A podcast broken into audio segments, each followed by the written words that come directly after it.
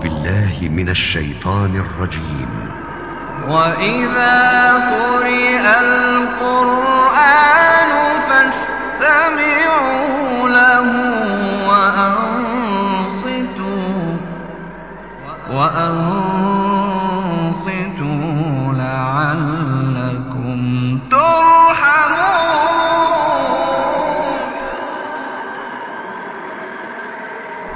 apabila dibacakan Al-Quran Maka dengarkanlah baik-baik Dan perhatikanlah dengan tenang Agar kamu mendapatkan rahmat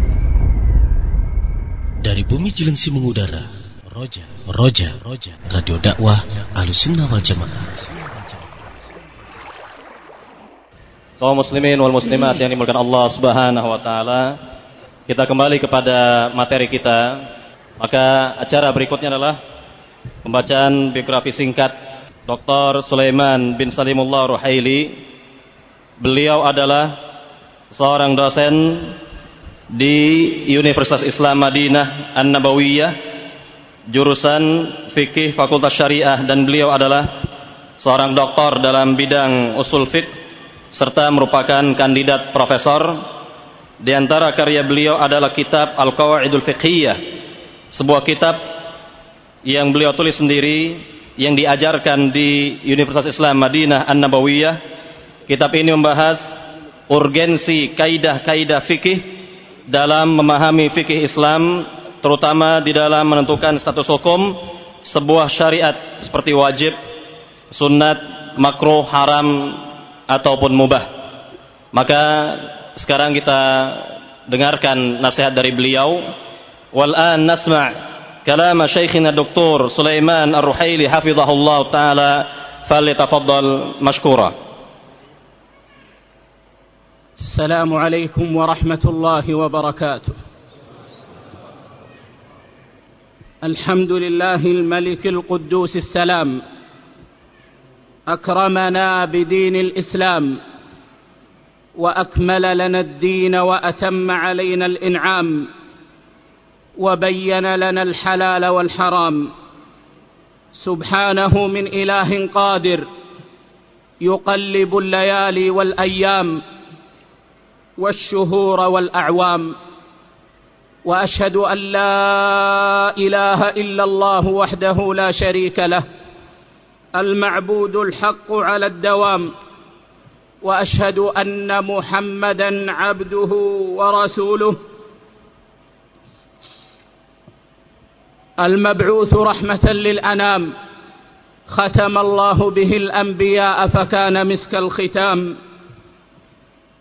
بعثه الله لنا فأخرج الناس من الظلام فوق الظلام. من التزم سنته اهتدى واستقام. ومن أعرض عن دينه تخبط في دياجير الظلام. ومن أحدث في أمره ما ليس منه فهو رد مع الآثام. صلى الله عليه وسلم أزكى صلاة وأتم سلام. ورضي الله عن آله الطيبين الأعلام وعن صحابته الخيار الكرام. أما بعد فأيها الإخوة والأخوات نجتمع في مدينة جاكرتا عاصمة إندونيسيا. ونحن, ونحن نحمد الله عز وجل أن جمعنا بالإسلام والسنة ونعوذ بالله ربنا من كل فتنة. أيها الإخوة كلامنا اليوم لا يشبه غيره من الكلام. إنه كلام عن موت حبيبنا وإمامنا ومعلمنا وقدوتنا ونبينا محمد بن عبد الله صلى الله عليه وسلم. وكيف يستطيع المحب أن يتكلم عن موت حبيبه؟ فكيف إذا كان الكلام عن موت أحب الناس أجمعين؟ عن موت من هو أحب إلينا من أنفسنا؟ ووالدينا واولادنا واهلنا والناس اجمعين Setelah Syekh memuja dan memuji Allah Subhanahu wa taala dan berselawat kepada Nabi Muhammad sallallahu alaihi wasallam, lalu beliau menyampaikan, "Wahai saudara-saudaraku, kita berkumpul di kota Jakarta, ibu kota Indonesia. Dan kita semua memuji kepada Allah Subhanahu wa taala karena dialah yang telah mengumpulkan kita semua dengan Islam dan sunnah. Dan kita memohon perlindungan kepada Allah Jalla dari semua fitnah dan pembicaraan kita pada kesempatan yang mulia ini adalah materi yang sangat penting dan unik. Kita pada saat ini akan membahas dan berbicara tentang kematian Nabi Muhammad sallallahu alaihi wasallam yang merupakan guru kita, suri tauladan kita, kekasih kita Muhammad bin Abdullah sallallahu alaihi wasallam. Bagaimana mungkin kita mampu berbicara tentang kematian Nabi Muhammad, Nabi kita Muhammad sallallahu alaihi wasallam? Karena hal tersebut adalah hal yang sangat berat dan sangat memilukan hati kita semua. Karena kalau kita Bayangkan ketika kita berbicara tentang kematian salah seorang anggota keluarga kita, kita pun semua akan merasakan kesedihan yang begitu besar. Bagaimana seorang merasakan dan membayangkan tentang kesedihan seorang yang ditinggal oleh anaknya atau oleh keluarganya atau orang yang terdekat, orang yang terdekat dengannya. Nah. Ayuhal ikhwatu wal akhawat.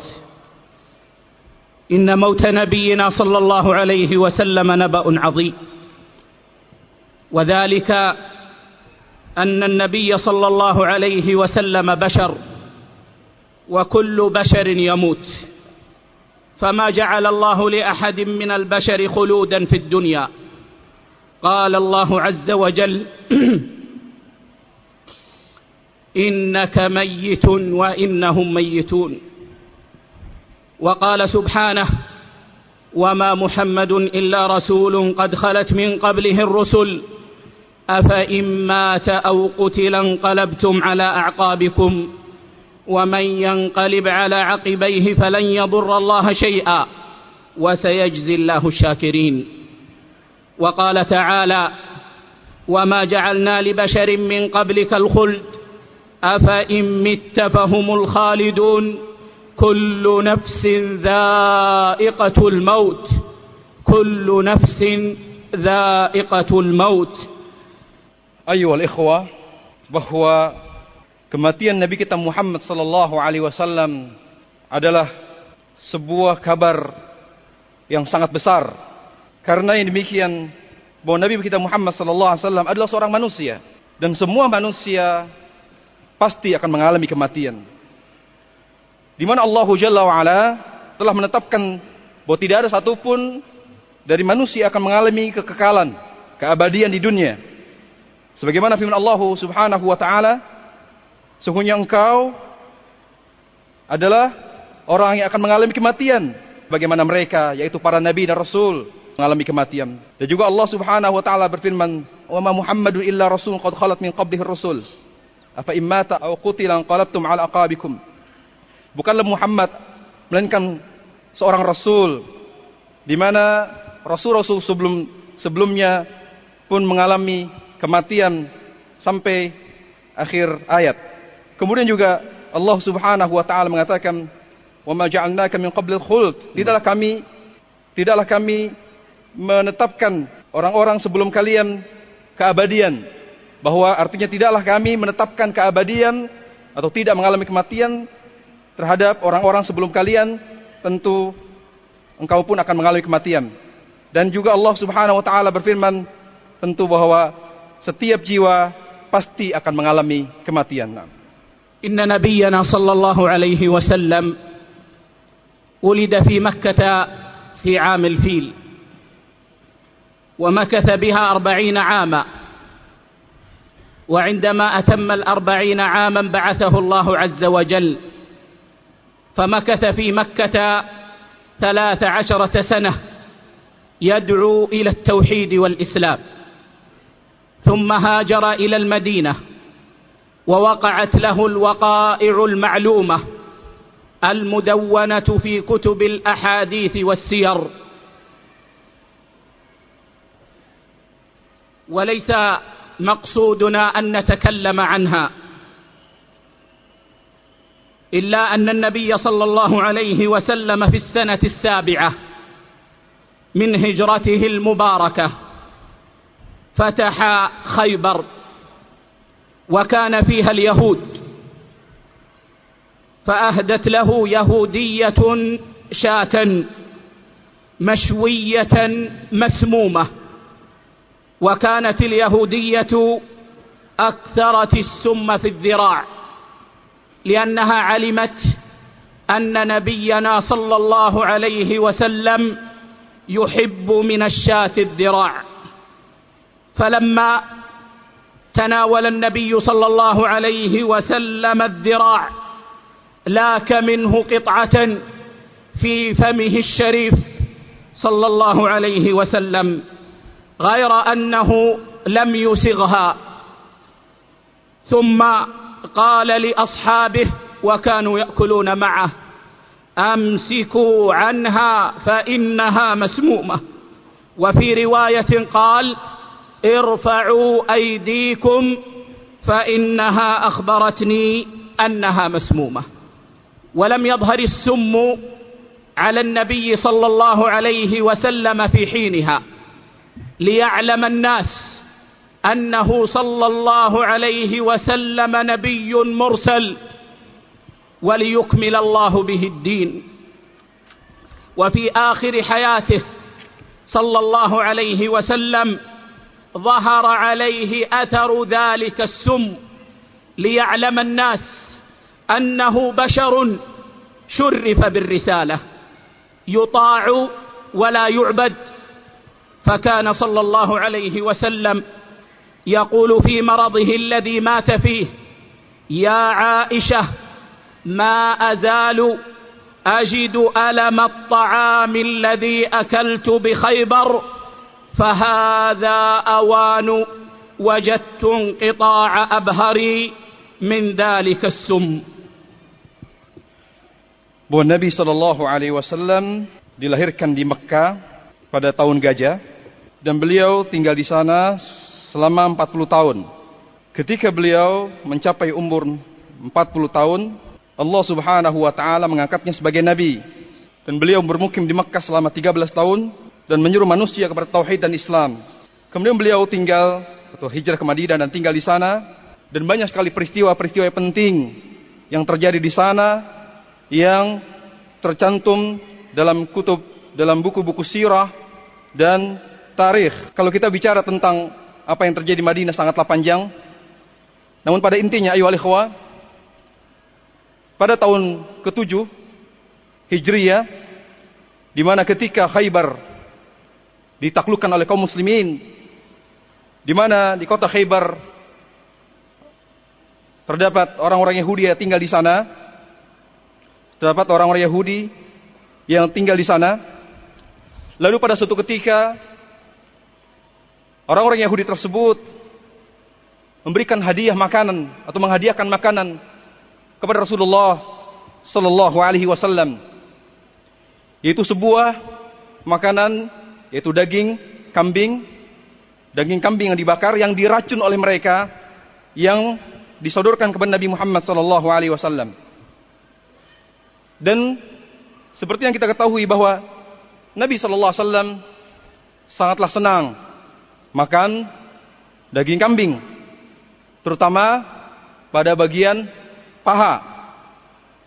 Karena Nabi Shallallahu Alaihi Wasallam adalah seorang yang sangat suka makan bagian paha dari daging kambing, maka Nabi Alaihissalam pada saat dihidangkan makanan daging tersebut, beliau memakannya makan sepotong, ya makan sedikit, langsung dia mengambil beliau alaihissalam mengambil sepotong paha dari daging kambing yang disediakan tersebut.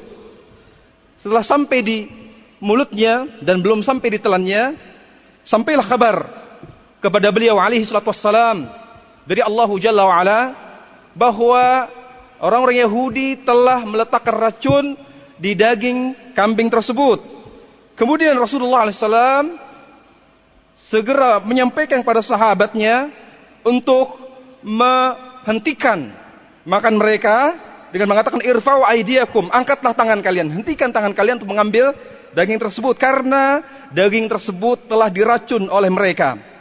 Dan Nabi Alaihissalam sempat atau hampir memakan daging tersebut. Ini menunjukkan bahwa Nabi Alaihissalam meskipun beliau Nabi, namun beliau juga adalah seorang manusia biasa yang tidak mengetahui ilmu gaib. Sehingga semua dari kita harus mengetahui bahwa Nabi Sallallahu Alaihi Wasallam adalah manusia biasa yang dimuliakan Allah Jalla wa'ala dengan risalah. Dan beliau adalah seorang yang layak untuk ditaati namun tidak layak untuk diibadahi.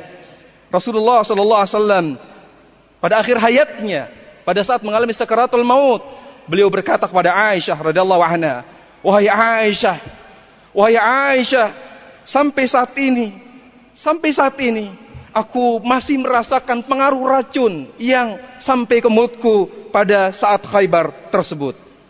وفي السنة العاشرة حج النبي صلى الله عليه وسلم حجة الوداع وكان يقول خذوا عني فلعلي لا ألقاكم بعد عامي هذا ونزل قول الله عز وجل إذا جاء نصر الله والفتح ورأيت الناس يدخلون في دين الله أفواجا فسبح بحمد ربك واستغفره.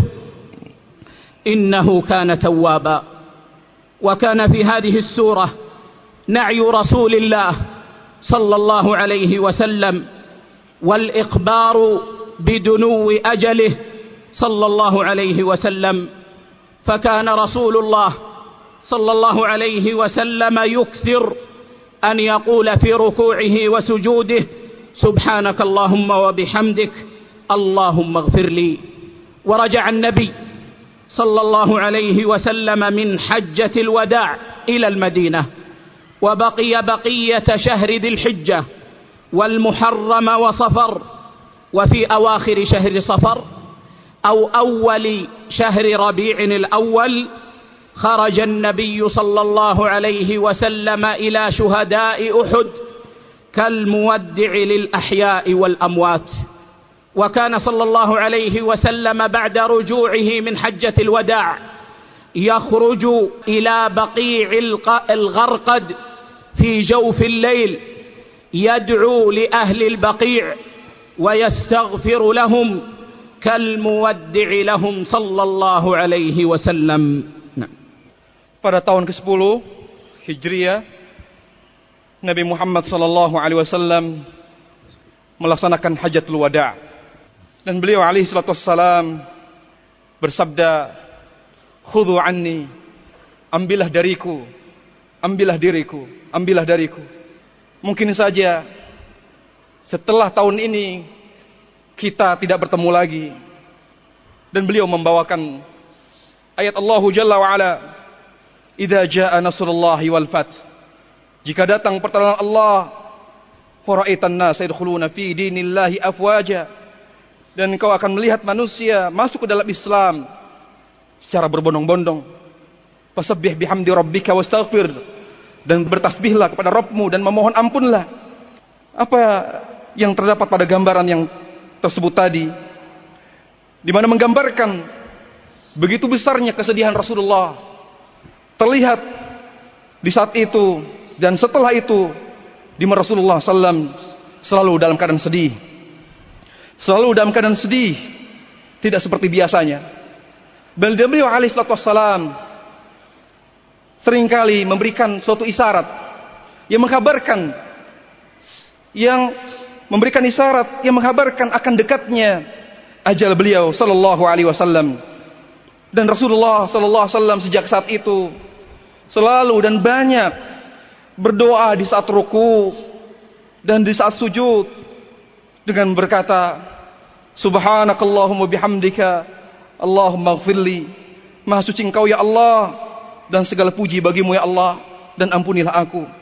Setelah Rasulullah sallallahu alaihi wasallam kembali dari hajjal wada yaitu kembali ke Madinah tepatnya pada awal bulan Rabiul Awal Rasulullah sallallahu alaihi wasallam menyempatkan diri untuk pergi ke syuhada Uhud.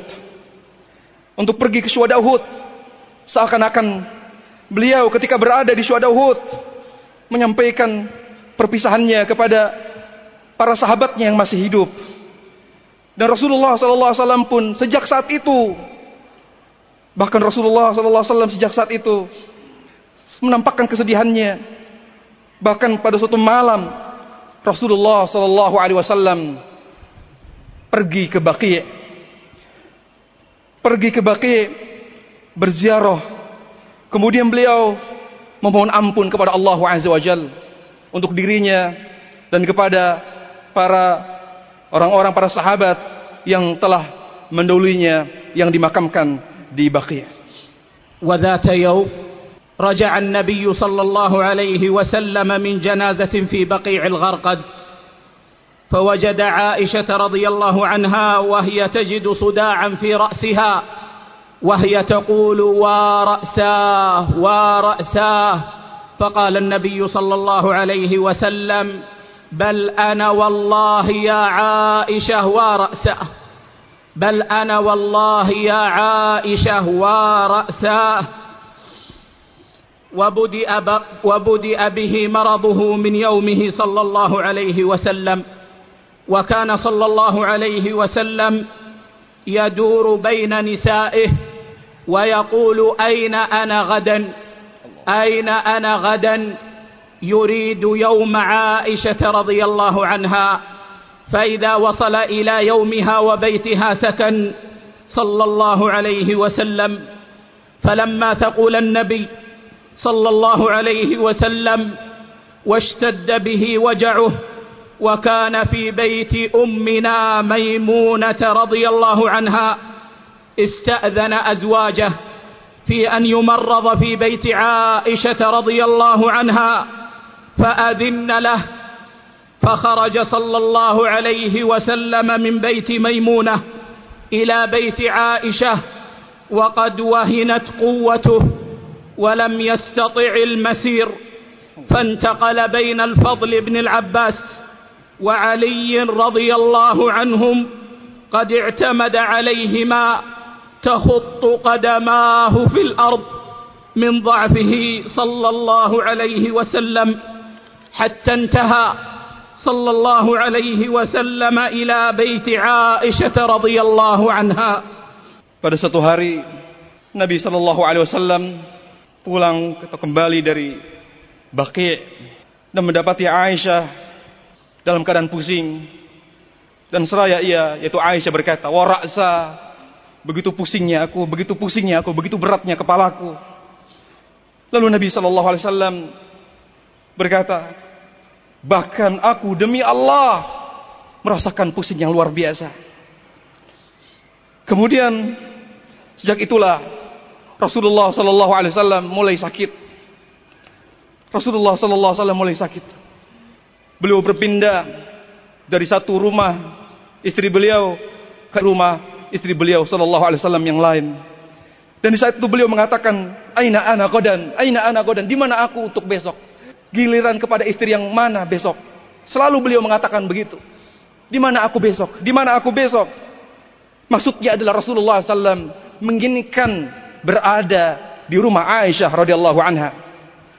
Dan pada saat itu adalah jatah istri beliau sallallahu alaihi wasallam Maimunah. Di saat itu beliau alaihi wasallam mengalami sakit yang begitu parah, sangat begitu parah.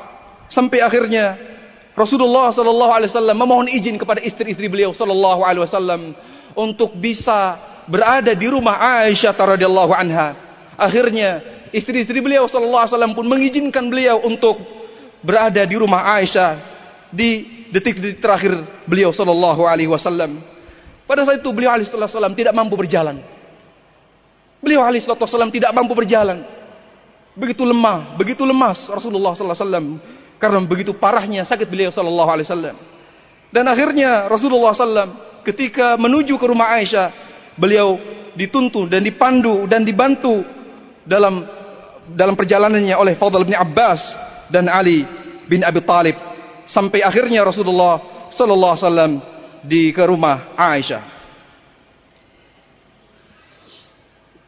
وفي يوم الخميس وما أدراك ما يوم الخميس إنه قبل موت نبينا صلى الله عليه وسلم بخمس اشتد الوجع برسول الله صلى الله عليه وسلم فقال ائتوني بكتاب أكتب لكم كتابا لن تضلوا بعده أبدا.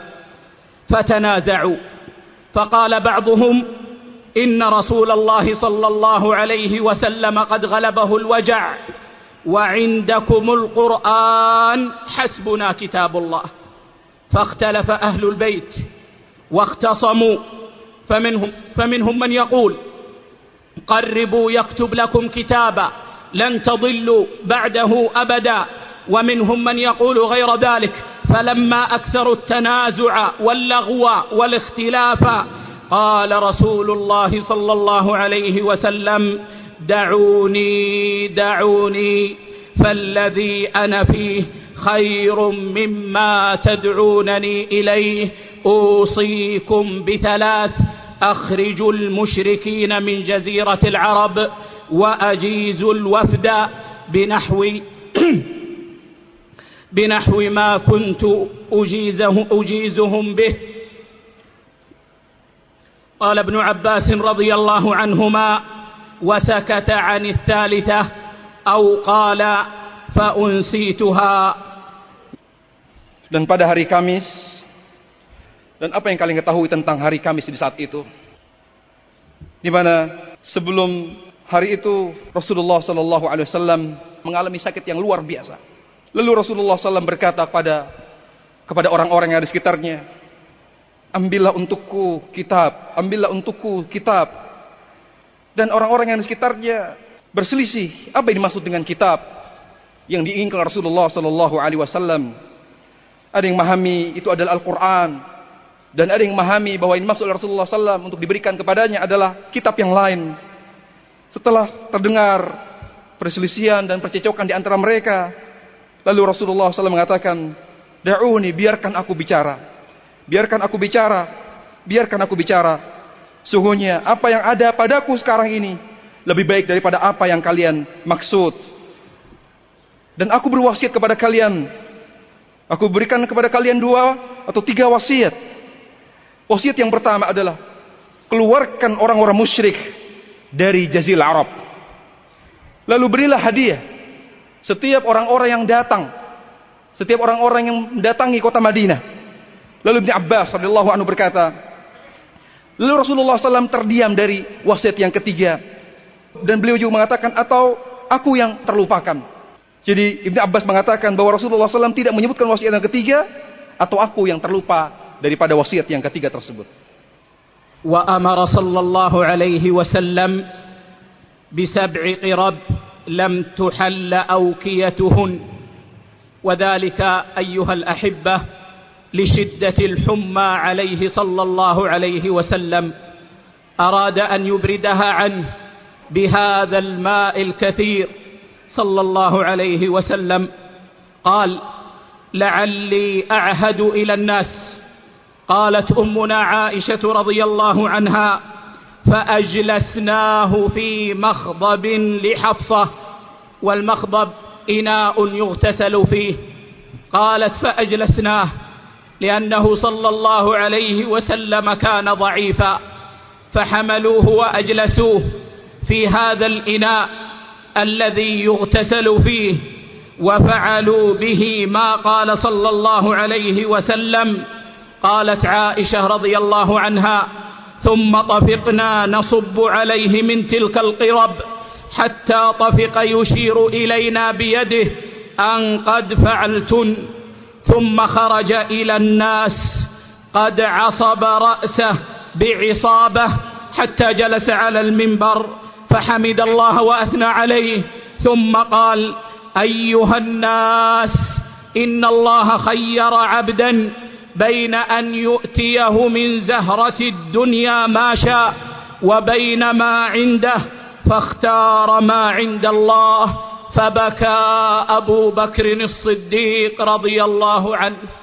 بكى أبو بكر الصديق رضي الله عنه وقال فديناك بآبائنا وأمهاتنا يا رسول الله.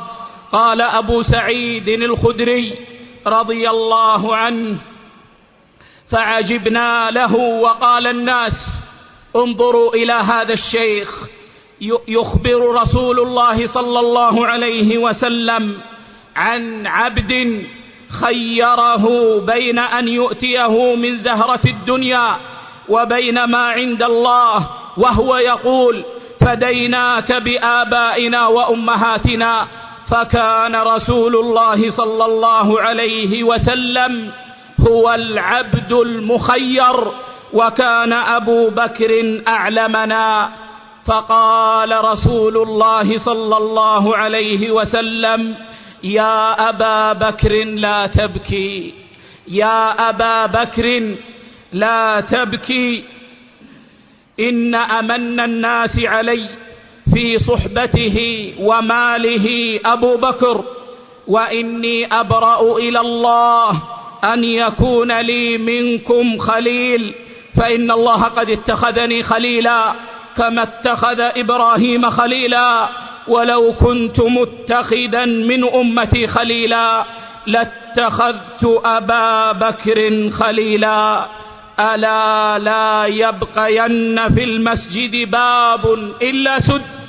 الا باب ابي بكر Kemudian Nabi Shallallahu Alaihi Wasallam memerintahkan para istrinya untuk mengambilkan mengambil air dingin karena Rasulullah Shallallahu Alaihi Wasallam bisa itu mengalami demam yang sangat dan beliau sangat panas sekali dan Rasulullah Shallallahu Alaihi Wasallam memerintahkan istri-istrinya untuk mengambil air agar dapat mengobati demamnya dan mengatasi panas kepalanya.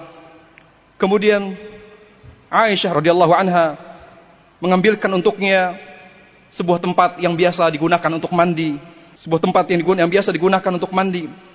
Dan Aisyah radhiyallahu anha akhirnya memandikan Rasulullah SAW dengan air tersebut. Dan Rasulullah SAW didudukkan di tempat tersebut. Di saat itu ketika beliau didudukkan di tempat tersebut, beliau dalam keadaan sangat lemah. Sangat lemah sekali dan kami pun mendudukkan beliau sallallahu alaihi wasallam. Kemudian Aisyah radhiyallahu anha melihat begitu begitu lemahnya Rasulullah SAW sehingga beliau mendapati Rasulullah memberikan isyarat, memberikan isyarat agar Rasulullah Sallallahu Alaihi Wasallam setelah memberikan isyarat kepada Aisyah agar beliau setelah selesai mandi dibawa dipandu keluar untuk bertemu dengan para sahabat-sahabatnya. Dan setelah beliau mandi dalam keadaan seperti itu, dan di saat itu Rasulullah SAW pun mengalami pusing yang luar biasa. Sampai akhirnya Rasulullah SAW keluar bertemu dengan para sahabatnya. Di saat itu sahabat-sahabatnya sudah berkumpul di luar rumah Aisyah radhiallahu anha. Lalu Rasulullah SAW sampailah ke mimbar dan berkata, wahai wahai para manusia, sungguhnya Allah Subhanahu Wa Taala telah memberikan pilihan kepada hambanya untuk memilih dunia atau memilih apa yang ada pada Allah Subhanahu Wa Taala. Dan akhirnya hamba tersebut memilih untuk memilih apa yang ada pada Allah, yaitu bertemu Allah Subhanahu wa taala.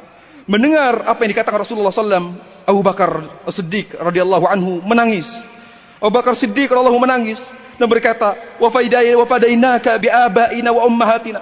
Wahai Rasulullah, selami kami siap menebus, kami siap menebus ayah-ayah kami, orang tua kami. Kami siap mengorbankan apa pun ya Rasulullah dengan dengan mengucapkan ucapan-ucapan seperti itu.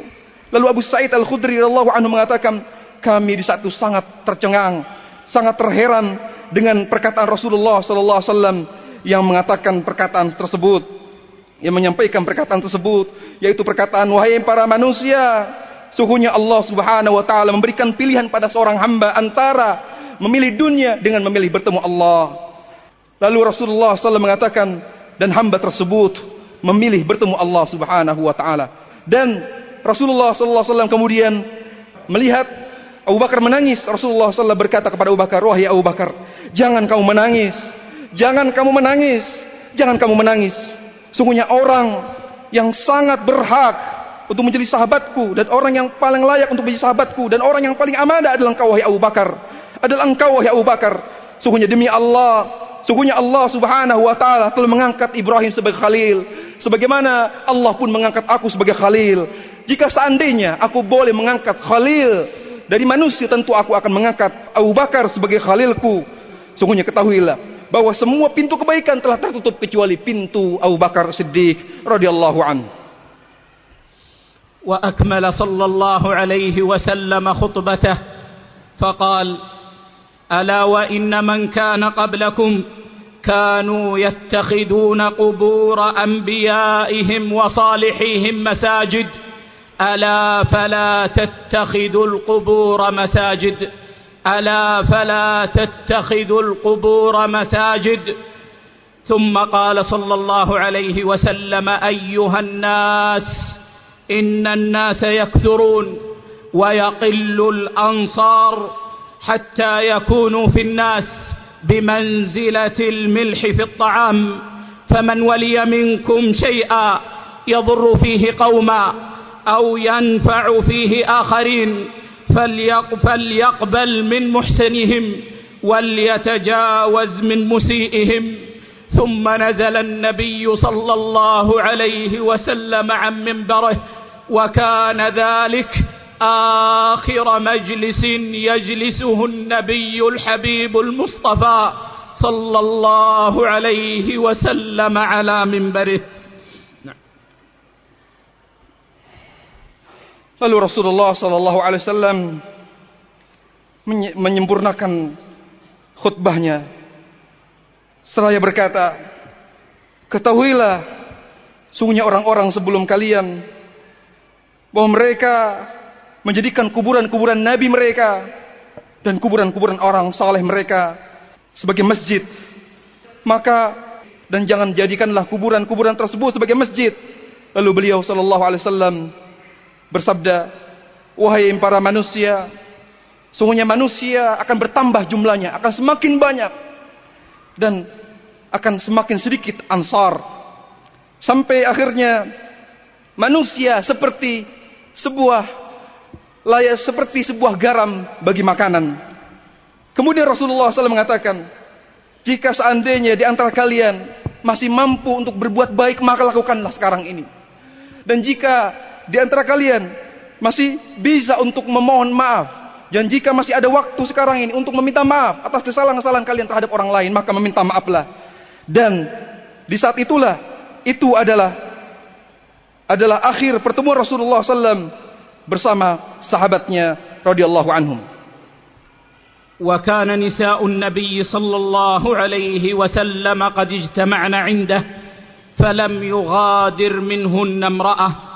فجاءت فاطمة بنت رسول الله صلى الله عليه وسلم تمشي كأن مشيتها مشية رسول الله صلى الله عليه وسلم. فقال مرحبا بابنتي. فأجلسها عن يمينه أو شماله ثم أسر إليها بحديث فبكت رضي الله عنها ثم سارها بحديث فضحكت رضي الله عنها فقالت لها عائشة رضي الله عنها ما يبكيك؟ فقالت ما كنت لأفشي سر رسول الله صلى الله عليه وسلم فلما توفي رسول الله صلى الله عليه وسلم قالت لها عائشة رضي الله عنها عزمت عليك بما لي من حق عليك لما حدثتيني ما قال لك رسول الله صلى الله عليه وسلم. فقالت فاطمة رضي الله عنها أما الآن فنعم أما حين سارني في المرة الأولى فأخبرني أن جبريل كان يعارضه القرآن كل عام مرة وأنه عارضه به في هذا العام مرتين. قال ولا أراني إلا قد حضر أجلي فاتق الله واصبري فإنه نعم السلف لك أنا. قالت فبكيت بكاء الذي رأيت فلما رأى حزني سارني الثانية فقال يا فاطمة أما ترضين أن تكوني سيدة نساء هذه الأمة أو سيدة نساء المؤمنين؟ فضحكت الضحك الذي رأيت وفي رواية فأخبرني أني أول من أتبعه من أهله فضحكت كما رأيت. Dan di saat itu seluruh istri-istri Rasulullah Sallallahu Alaihi Wasallam telah berkumpul, atau tidak ada satupun istri Rasulullah SAW yang tidak ada di saat itu. Lalu datanglah anak beliau Sallallahu Alaihi Wasallam Fatimah dan berjalan dan cara berjalan beliau radhiyallahu anha seperti berjalannya Rasulullah Sallallahu Alaihi Wasallam. Setelah Rasulullah Sallallahu Alaihi Wasallam mengetahui kedatangan Fatimah. Lalu beliau bersabda, Marhaban ya ibnati. Selamat datang wahai anakku. Lalu Rasulullah SAW memberikan isyaratnya dengan tangannya untuk duduk di sebelah kanannya, di sisi kanannya. Atau di sisi kirinya. Lalu tidak lama Rasulullah SAW memberikan isyarat kepada Fatimah untuk mendekatkan wajahnya, mendekatkan telinganya ke mulut Rasulullah SAW. Lalu dia menyampaikan sesuatu yang tidak didengar oleh istri-istri Rasulullah SAW yang lain di saat itu. Kemudian tidak lama Fatimah setelah mendengar bisikan Rasulullah dia tertawa. Kemudian setelah itu Rasulullah SAW membisikkan kembali kepada Fatimah dan Fatimah menangis. Lalu Aisyah berkata, "Wahai Fatimah, apa yang membuatmu menangis? Dan apa yang membuatmu tertawa?" Kemudian Fatimah mengatakan, "Demi Allah, aku tidak mau mengkabarkan rahasia Rasulullah SAW. Setelah wafat Rasulullah Sallallahu Alaihi Wasallam, barulah Fatimah mengabarkan apa yang disampaikan Rasulullah SAW kepadanya. Adapun yang disampaikan kepada Rasulullah SAW kepada Fatimah yang membuatnya tertawa, di mana Rasulullah SAW mengatakan, Azim tu alika bimali min haqqi alika lima hadat. Di mana Rasulullah SAW hingga memberikan hak hartanya kepada Aisyah radhiyallahu anha.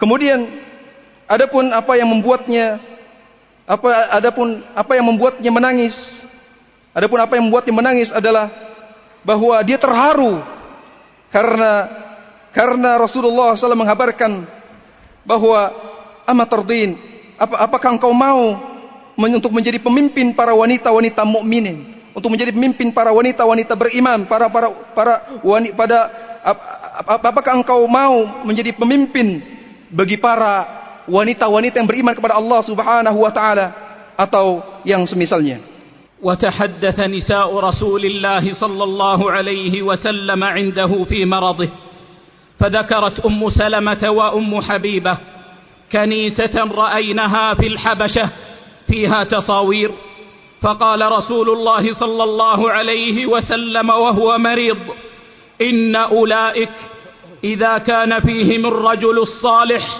فمات بنوا على قبره مسجدا بنوا على قبره مسجدا. وصوروا فيه تلك الصور. أولئك شرار الخلق عند الله يوم القيامة. أولئك شرار الخلق عند الله يوم القيامة. Lalu para istri Rasulullah SAW saling berbicara satu sama lain. Dan di antaranya adalah Ummu Salamah dan Ummu Habibah mengisahkan apa yang mereka lihat ketika mereka hijrah ke Habasyah. Lalu mereka bercerita apa yang mereka alami di Habasyah. Di mana di sana mereka menceritakan bahwa tidaklah ada orang saleh melainkan mereka akan membuatkan kuburan orang tersebut bangunan menjadi masjid Kemudian mereka pun membuat patung-patung orang soleh tersebut. Lalu Rasulullah SAW mengatakan, mereka adalah seburuk-buruknya makhluk di sisi Allah pada hari kiamat. وكان النبي صلى الله عليه وسلم لما ثقل واصبح لا يستطيع القيام يهتم بامر صلاه الناس حتى قال صلى الله عليه وسلم اصلى الناس قالوا لا يا رسول الله هم ينتظرونك. قال ضعوا لي ماء في المخضب. قالت عائشة رضي الله عنها ففعلنا فاغتسل فذهب لينوء أي ليقوم فأغمي عليه صلى الله عليه وسلم ثم أفاق. فقال أصلى الناس قالوا لا هم ينتظرونك يا رسول الله. قال ضعوا لي ماء في المخضب. قالت عائشة رضي الله عنها فقعد فاغتسل ثم ذهب لينوء فأغمي عليه ثم أفاق. فقال أصلى الناس؟ قالوا لا. هم ينتظرونك يا رسول الله. فقال ضعوا لي ماء في المخضب. فقعد فاغتسل ثم ذهب لينوء فأغمي عليه صلى الله عليه وسلم ثم أفاق فقال أصلى الناس؟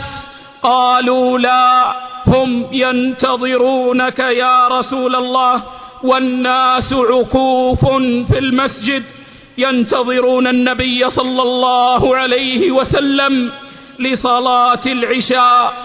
فقال صلى الله عليه وسلم مروا أبا بكر أن يصلي بالناس. فقالت عائشة رضي الله عنها يا رسول الله إن أبا بكر رجل رقيق. إذا قرأ القرآن فلا يملك دمعه فلو أمرت غير أبي بكر. قالت رضي الله عنها ووالله ما بي إلا كراهية. أن يتشاءم الناس بأول من يقوم مقام رسول الله صلى الله عليه وسلم. فقال صلى الله عليه وسلم مروا أبا بكر فليصلي بالناس. فراجعته عائشة رضي الله عنها ثانية. فقال مروا أبا بكر فليصلي بالناس فإنكن صواحب يوسف.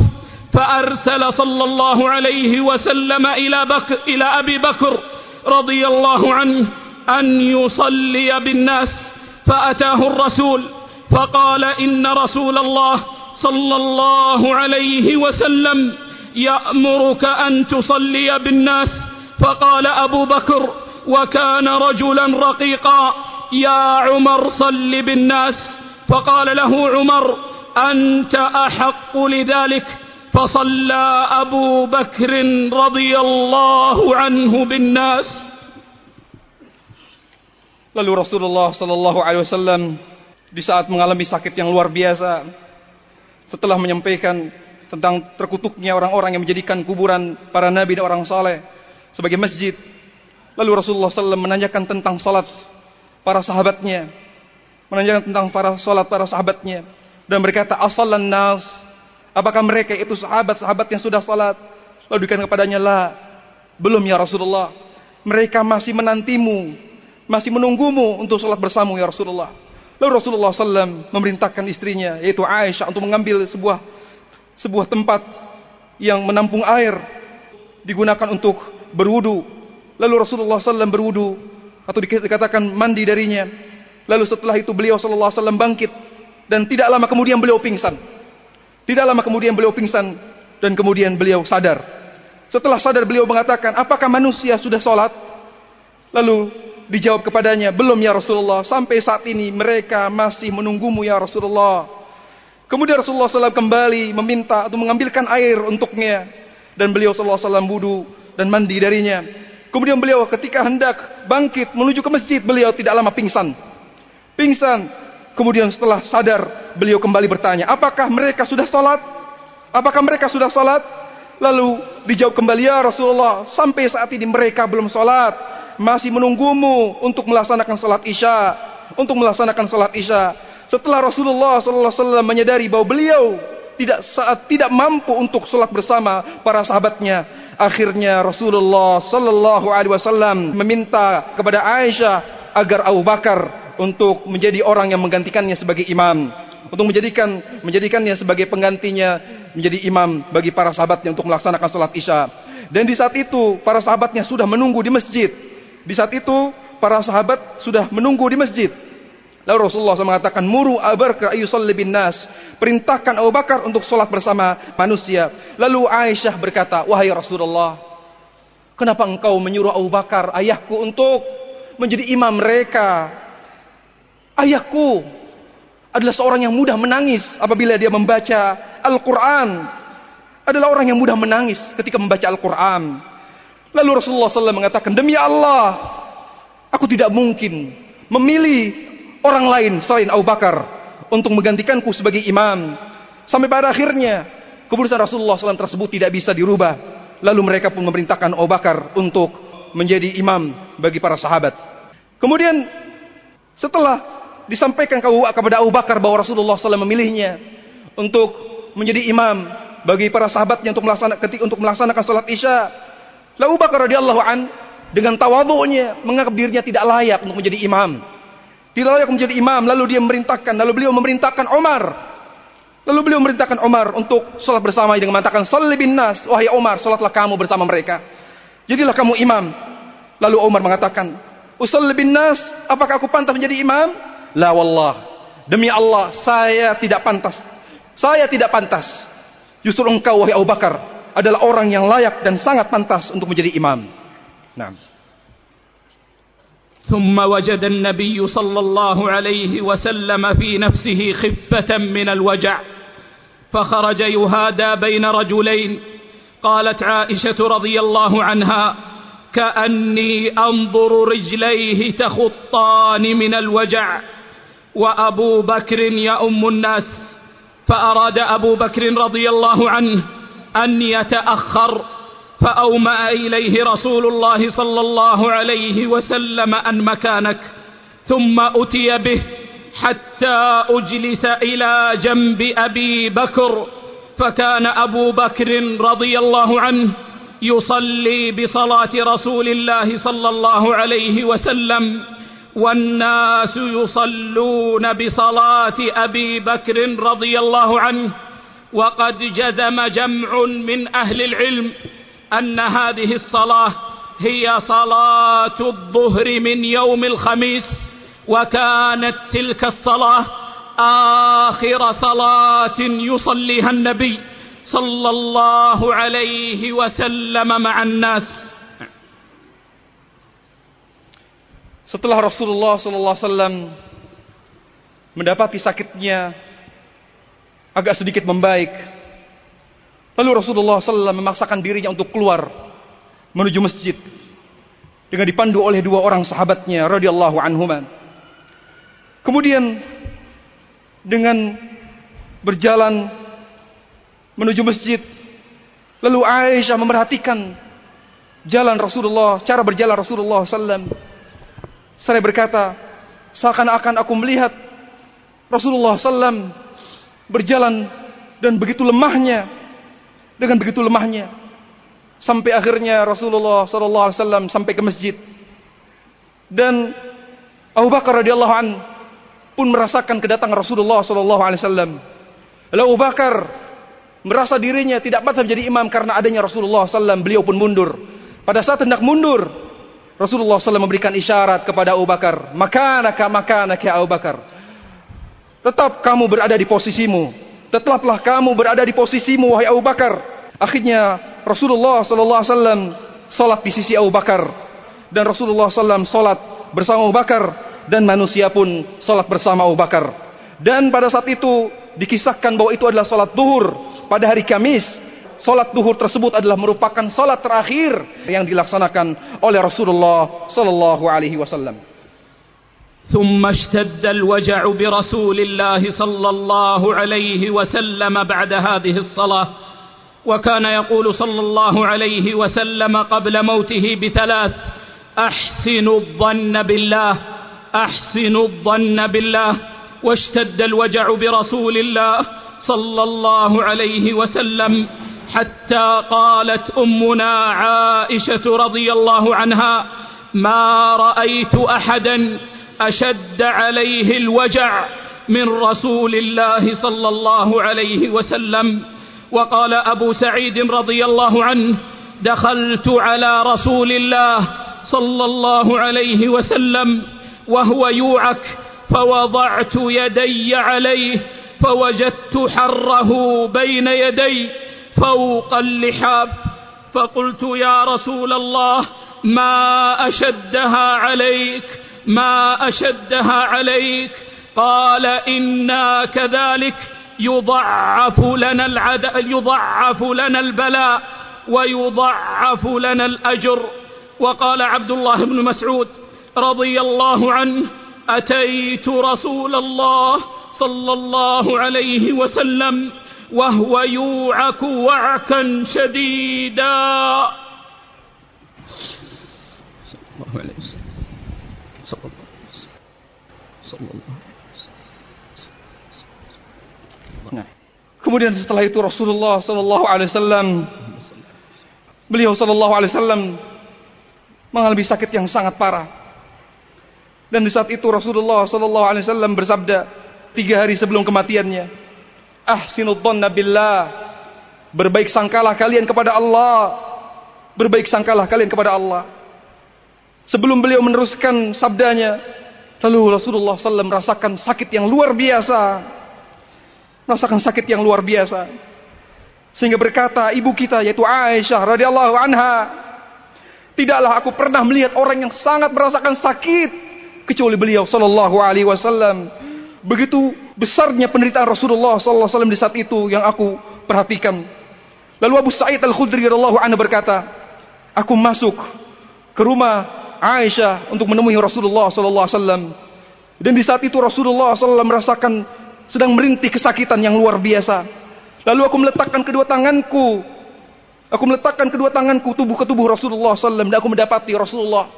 Rasulullah SAW sangat panas sekali, sangat panas sekali. Sampai Rasulullah SAW menggunakan selimutnya. Dan kata Abu Sa'id, Wallahi, begitu begitu parahnya sakit engkau wahai Rasulullah. Begitu parahnya sakit engkau wahai Rasulullah. Kemudian Rasulullah SAW berkata, Sungguhnya wahai Abu Sa'id, dengan begini, dengan inilah dengan inilah Allah Subhanahu wa taala tentu dengan Allah Azza wa memberikan bala yang begitu berat, yang begitu besar. Allah Azza wa akan memberi melipat gandakan pahala dengan beratnya bala yang dialami seorang akan membuat dia mendapatkan pahala yang besar dari Allah Subhanahu wa taala. Kemudian Abdullah bin Mas'ud pun berkata, aku mendatangi Rasulullah, aku pun mendatangi Rasulullah sallam dan beliau ketika aku menemukannya beliau alaihi wasallam sedang merintih kesakitan yang luar biasa. ويشتد الوجع برسول الله صلى الله عليه وسلم وطفق يطرح خميصة له وهي كساء له أعلام على وجهه فإذا اغتم كشفها وهو كذلك في هذه الحال يقول لعنة الله على اليهود والنصارى اتخذوا قبور أنبيائهم مساجد Kemudian Rasulullah SAW mendapati sakitnya semakin parah. Kemudian Rasulullah SAW mengambil kain untuk menutupi tubuhnya beliau alaihi salatu wassalam. Kemudian beliau menutup wajahnya. Ketika beliau alaihi salatu wassalam merasakan sakit yang luar biasa, beliau membuka wajahnya, membuka wajahnya yang ditutupi oleh selimut tersebut. Dan selaya beliau bersabda, semoga Allah melaknat Yahudi dan Nasara yang telah menjadikan kuburan-kuburan Nabi mereka sebagai masjid. وكان أبو بكر الصديق رضي الله عنه يصلي بالناس الصلوات فبينما المسلمون في صلاة فجر يوم الاثنين الثاني عشر من ربيع الأول عند أكثر العلماء يؤمهم أبو بكر الصديق رضي الله عنه كشف الحبيب النبي صلى الله عليه وسلم ستر حجرة عائشة رضي الله عنها فنظر إليهم وهم في صفوف كأن وجهه ورقة مصحف ثم تبسم صلى الله عليه وسلم يضحك فكاد المسلمون أن يفتتنوا في صلاتهم حين رأوا حبيبهم رسول الله صلى الله عليه وسلم فرحا به. فنكص أبو بكر رضي الله عنه على عقبيه ليصل الصف وظن أن رسول الله صلى الله عليه وسلم خارج للصلاة. فأشار النبي صلى الله عليه وسلم إليهم أن أتموا صلاتكم وأرخى الستر وانصرف الناس من صلاتهم وهم يظنون أن رسول الله صلى الله عليه وسلم قد أفاق من وجعه. Kemudian Abu Bakar radhiyallahu an salat bersama para sahabat Rasulullah sallallahu alaihi wasallam beberapa salat khususnya pada salat subuh tepatnya pada hari Senin pada tanggal 12 Rabiul Awal. Dan di saat itu Abu Bakar radhiyallahu an memimpin salat bersama sahabat Rasulullah sallam dan pada saat itu pula Nabi sallallahu alaihi wasallam di saat itu Beliau membuka wajahnya. Beliau membuka penutup yang menutupi kamar Aisyah dari Masjid Nabawi. Sambil memperhatikan apa yang dilakukan Abu Bakar bersama sahabat-sahabatnya di masjid. Beliau alaihi salam ketika melihatnya beliau tertawa, kagum terhadap apa yang mereka sedang lakukan. Lalu kaum muslimin, hampir saja kaum muslimin terpengaruh dari apa yang mereka lihat. Dari apa yang mereka lihat itu melihat Rasulullah sallallahu alaihi wasallam di mana mereka sambil memalingkan wajah mereka melihat Rasulullah SAW di sela-sela rumah Aisyah, di mana mereka melihat wajah kegembiraan wajah Rasulullah SAW yang menggambarkan kegembiraan Rasulullah SAW melihat para sahabatnya. Lalu Abu Bakar radhiyallahu an pun mendengar apa dan merasakan sesuatu yang aneh di saat itu. Kemudian Abu Bakar mundur. Abu Bakar menyangka bahwa Rasulullah SAW keluar dari kamar Aisyah atau dari rumah Aisyah menuju menuju masjid. Seraya berkata, "Akharju Rasulullah SAW." Apakah Rasulullah SAW keluar menuju masjid? Kemudian dikabarkan bahwa Rasulullah SAW tidak keluar menuju masjid. Akhirnya Abu Bakar pun meneruskan salatnya bersama mereka dan Rasulullah SAW pun kembali ke tempatnya. Nah. لكن المرض اشتد برسول الله صلى الله عليه وسلم وثقل وجعل يتغشاه ويغشى عليه. وكانت فاطمة رضي الله عنها إذا رأت والدها صلى الله عليه وسلم يغشى عليه تقول وكرب أباه. فقال لها صلى الله عليه وسلم ليس على أبيك كرب بعد اليوم. وكان النبي صلى الله عليه وسلم كثيرا ما يوصي وهو في مرض موته بالصلاة حتى كان آخر وصية رسول الله صلى الله عليه وسلم وهو يغرغر بها في صدره وما كان يفيض بها لسانه فما كان يستطيع أن يقولها الصلاة الصلاة واتقوا الله فيما ملكت أيمانكم. Dan di saat itu Rasulullah SAW pun mengalami sakit yang sangat parah. Sampai Rasulullah SAW pun mengalami pingsan.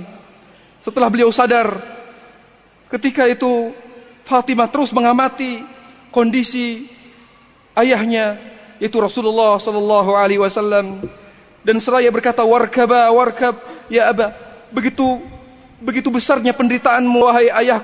Kemudian Rasulullah Sallallahu Alaihi Wasallam berkata, Wahai Fatimah, sungguhnya penderitaanku yang sangat besar ini, ini adalah penderitaan yang terakhir, di mana tidak ada penderitaan setelah ini. Kemudian Rasulullah SAW di saat itu pun senantiasa beliau memberikan wasiat-wasiat kepada para sahabatnya, terutama wasiat akan salat, terutama wasiat akan salat, bahkan wasiat tentang salat merupakan akhir wasiatnya.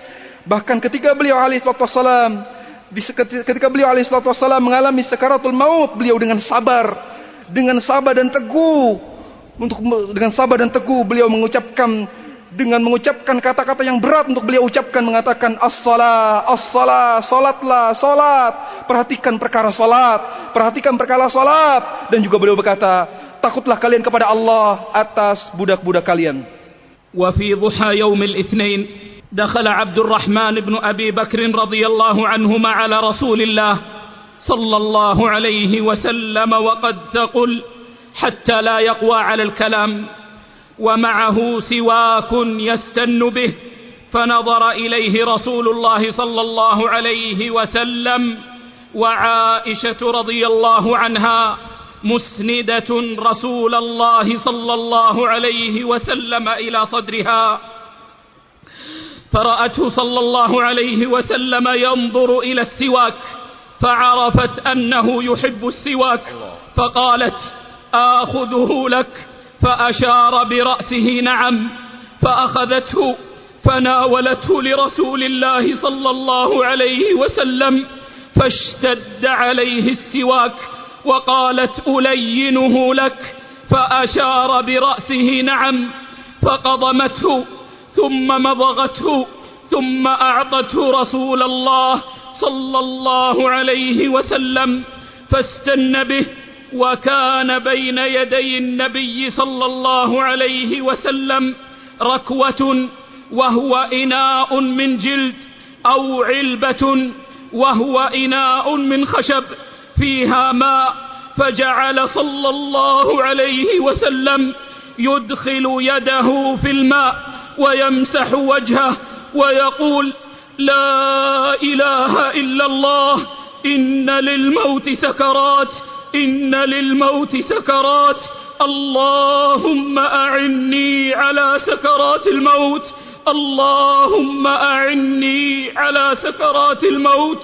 وعرضت للنبي صلى الله عليه وسلم بحة فسمعته عائشة رضي الله عنها يقول مع الذين أنعم الله عليهم من النبيين والصديقين والشهداء والصالحين وحسن أولئك رفيقا وسمعته عائشة رضي الله عنها وهو مستند إلى صدرها يقول اللهم اغفر لي وارحمني وألحقني بالرفيق الأعلى يقول وهو رسول الله صلى الله عليه وسلم اللهم اغفر لي وارحمني وألحقني بالرفيق الأعلى Dan pada saat duha, waktu duha di hari Senin, Abdurrahman bin Abu Bakar radhiyallahu an masuk ke kamar Aisyah. Dan di saat itu ia mendapati Rasulullah sallallahu alaihi wasallam pun dalam keadaan sakit yang sangat parah. Dan Abu Bakar dan Abdurrahman bin Abu Bakar ketika dia masuk membawa siwak dan senang menggunakannya. Setelah melihat apa yang dilakukan oleh Abdurrahman bin Abu Bakar, Rasulullah sallallahu alaihi wasallam melihat Abdurrahman bin Abu Bakar sedang bersiwak dan di saat itu pula Aisyah sedang bersandar. Di saat itu Rasulullah sallallahu alaihi wasallam bersandar ke dada Aisyah radhiyallahu anha.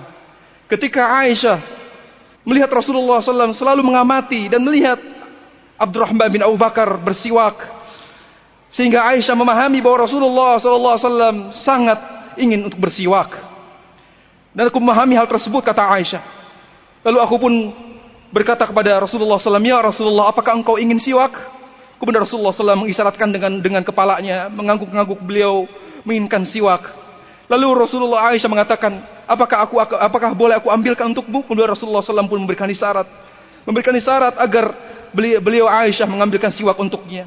Lalu Rasulullah SAW pun diberikan siwak oleh Aisyah radhiyallahu anha. Setelah itu Rasulullah SAW diberikan air dalam sebuah bejana. Kemudian Rasulullah mengusap wajahnya dengan air tersebut.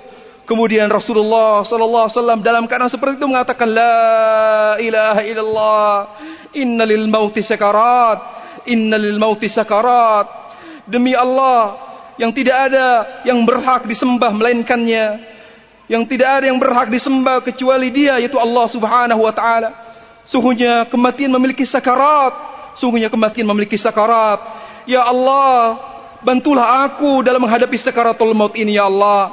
Ya Allah, bantulah aku untuk menghadapi sakaratul maut ini ya Allah. Kemudian mendengar hal tersebut, mendengar apa yang dikatakan Rasulullah sallallahu alaihi wasallam. Kemudian Aisyah mendengar mendengar Rasulullah sallam berkata, "Ulaika ma'al ladzina an'ama Allahu alaihim minan nabiyyin." Mereka bersama orang-orang yang Allah berikan nikmat kepadanya daripada para nabi, wasyuhada dan orang-orang saleh, wan nabi wasyuhada wassalihin dan orang-orang saleh dan mereka adalah sebaik-baiknya teman dan mereka adalah sebaik-baiknya teman. Kemudian ketika Aisyah mendengar apa yang diucapkan Rasulullah SAW tersebut, Pada saat itu Aisyah ketika mendengar apa yang diucapkan Rasulullah SAW, di saat itu Rasulullah SAW sedang bersandar ke tubuh beliau yaitu Aisyah radhiyallahu anha. Mendengar apa yang dikatakan Rasulullah SAW, kemudian Aisyah mengatakan, Allahumma mafilli warhamni wa alhiqni bisalihin. Ya Allah ampunilah dosaku. Artinya ketika Aisyah radhiyallahu anha melihat Rasulullah SAW adalah orang yang terbaik yang sudah diampuni dosa-dosanya, beliau alaihi wasallam memohon bantuan kepada Allah untuk dimudahkan dan ringankan dalam menghadapi sakaratul maut.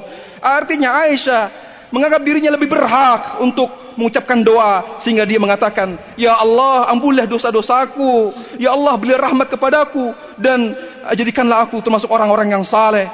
Ya Allah, jadikanlah aku termasuk orang-orang yang saleh, ya Allah." Kemudian dia pun mengatakan, Ya Allah, wa Rasulullah. Padahal kata Aisyah, Rasulullah SAW berkata, Allah maghfirli, Allah maghfirli, warhamni wa alqni bisalihin. Ya Allah ampunilah dosa-dosaku dan berilah aku rahmat dan jadikanlah aku termasuk orang-orang yang saleh. Kata Aisyah, kalau itu Rasulullah SAW mengucapkan, maka aku lebih berhak untuk mengucapkannya. Sehingga dia mengulangi doanya mengatakan, Ya Allah ampunilah dosa-dosaku dan rahmatilah aku dan jadikanlah aku termasuk orang-orang yang saleh. نعم أيها الإخوة والأخوات بينما رسول الله صلى الله عليه وسلم على فخذ عائشة رضي الله عنها غشي عليه ساعة ثم أفاق صلى الله عليه وسلم فأشخص بصره إلى السقف ورفع رأسه بين سحر عائشة رضي الله عنها ونحرها أي على صدرها رضي الله عنها. ثم نصب يده فقال اللهم الرفيق الأعلى اللهم الرفيق الأعلى حتى قبض صلى الله عليه وسلم ومالت يده الشريفة صلى الله عليه وسلم فكانت آخر كلمة تكلم بها النبي صلى الله عليه وسلم. اللهم الرفيق الأعلى تقول عائشة رضي الله عنها فلما خرجت نفسه فلما خرجت نفسه لم أجد ريحا قط أطيب من نفس رسول الله صلى الله عليه وسلم. Dan ketika Rasulullah sallallahu alaihi wasallam berada di paha Aisyah radhiyallahu anha di saat itu Rasulullah mengalami pingsan selama satu jam. Dan tidak lama kemudian Rasulullah pun sadar. Pada saat beliau alaihi wasallam sadar, beliau selalu memandang ke atap. Wajahnya selalu, matanya selalu memandang ke atap. Dan Rasulullah Sallallahu Alaihi Wasallam pun menggeser dan memindahkan kepalanya ke dada Aisyah radhiyallahu anha sampai Rasulullah SAW tangannya pun tangannya pun beliau alaihissalam pun menggerakkan tangannya dan seraya beliau berkata Ar-Rafiqul A'la ya Allah ya Allah Rafiqul A'la ini maksud adalah Allah Allah artinya Rasulullah SAW menginginkan untuk bertemu Allah kalau kita terjemahkanlah ya Allah aku ingin bertemumu ya Allah Selaya beliau, seraya beliau selalu mengucapkan begitu. Allahumma rafiqul ala. Ya Allah, aku ingin bertemumu ya Allah. Aku ingin bertemu denganmu ya Allah. Kemudian Aisyah berkata, Wallahi, tidaklah ketika Rasulullah SAW mengalami sakaratul maut, dan beliau mengucapkan ucapan-ucapan tersebut, yaitu Allahumma rafiqul ala, Allahumma rafiqul ala, Wallahi, tidaklah aku mendapatkan dari mulut beliau alaihissalam melainkan melainkan bau mulut yaitu bau mulut beliau alaihissalam yang sangat wangi. Tidak ada seorang pun yang aku dapati yang mulutnya lebih wangi daripada Rasulullah sallallahu alaihi wasallam. La ilaha illallah لا إله إلا الله الحي الذي لا يموت. مات أشرف البشر. مات نبي الله. مات خليل الله. مات محمد بن عبد الله. رسول الله صلى الله عليه وسلم. فأظلم كل شيء في المدينة. وعندما مات النبي صلى الله عليه وسلم كان أبو بكر رضي الله عنه في بيت له في موضع بالمدينة يقال له السنح وهو في مكان يقال له العالية. فقام عمر رضي الله عنه وقد أذهله الأمر يقول والله ما مات رسول الله صلى الله عليه وسلم والله ما مات رسول الله صلى الله عليه وسلم. فليبعثنه الله فليقطعن أيدي رجال وأرجلهم يعني المنافقين. فجاء أبو بكر رضي الله عنه على فرس وقد بلغه الخبر حتى دخل المسجد فلم يكلم الناس حتى دخل بيت عائشة رضي الله عنها. فقصد حبيبه رسول الله صلى الله عليه وسلم وهو مغشى بثوب حبرة فكشف عن وجهه فأكب عليه يقبله بين عينيه الشريفتين ثم بكى ثم بكى فقال بأبي فقال بأبي وأمي أنت يا نبي الله طبت حيا وميتا أما الموتة التي كتب الله عليك فقد متها ثم خرج إلى المسجد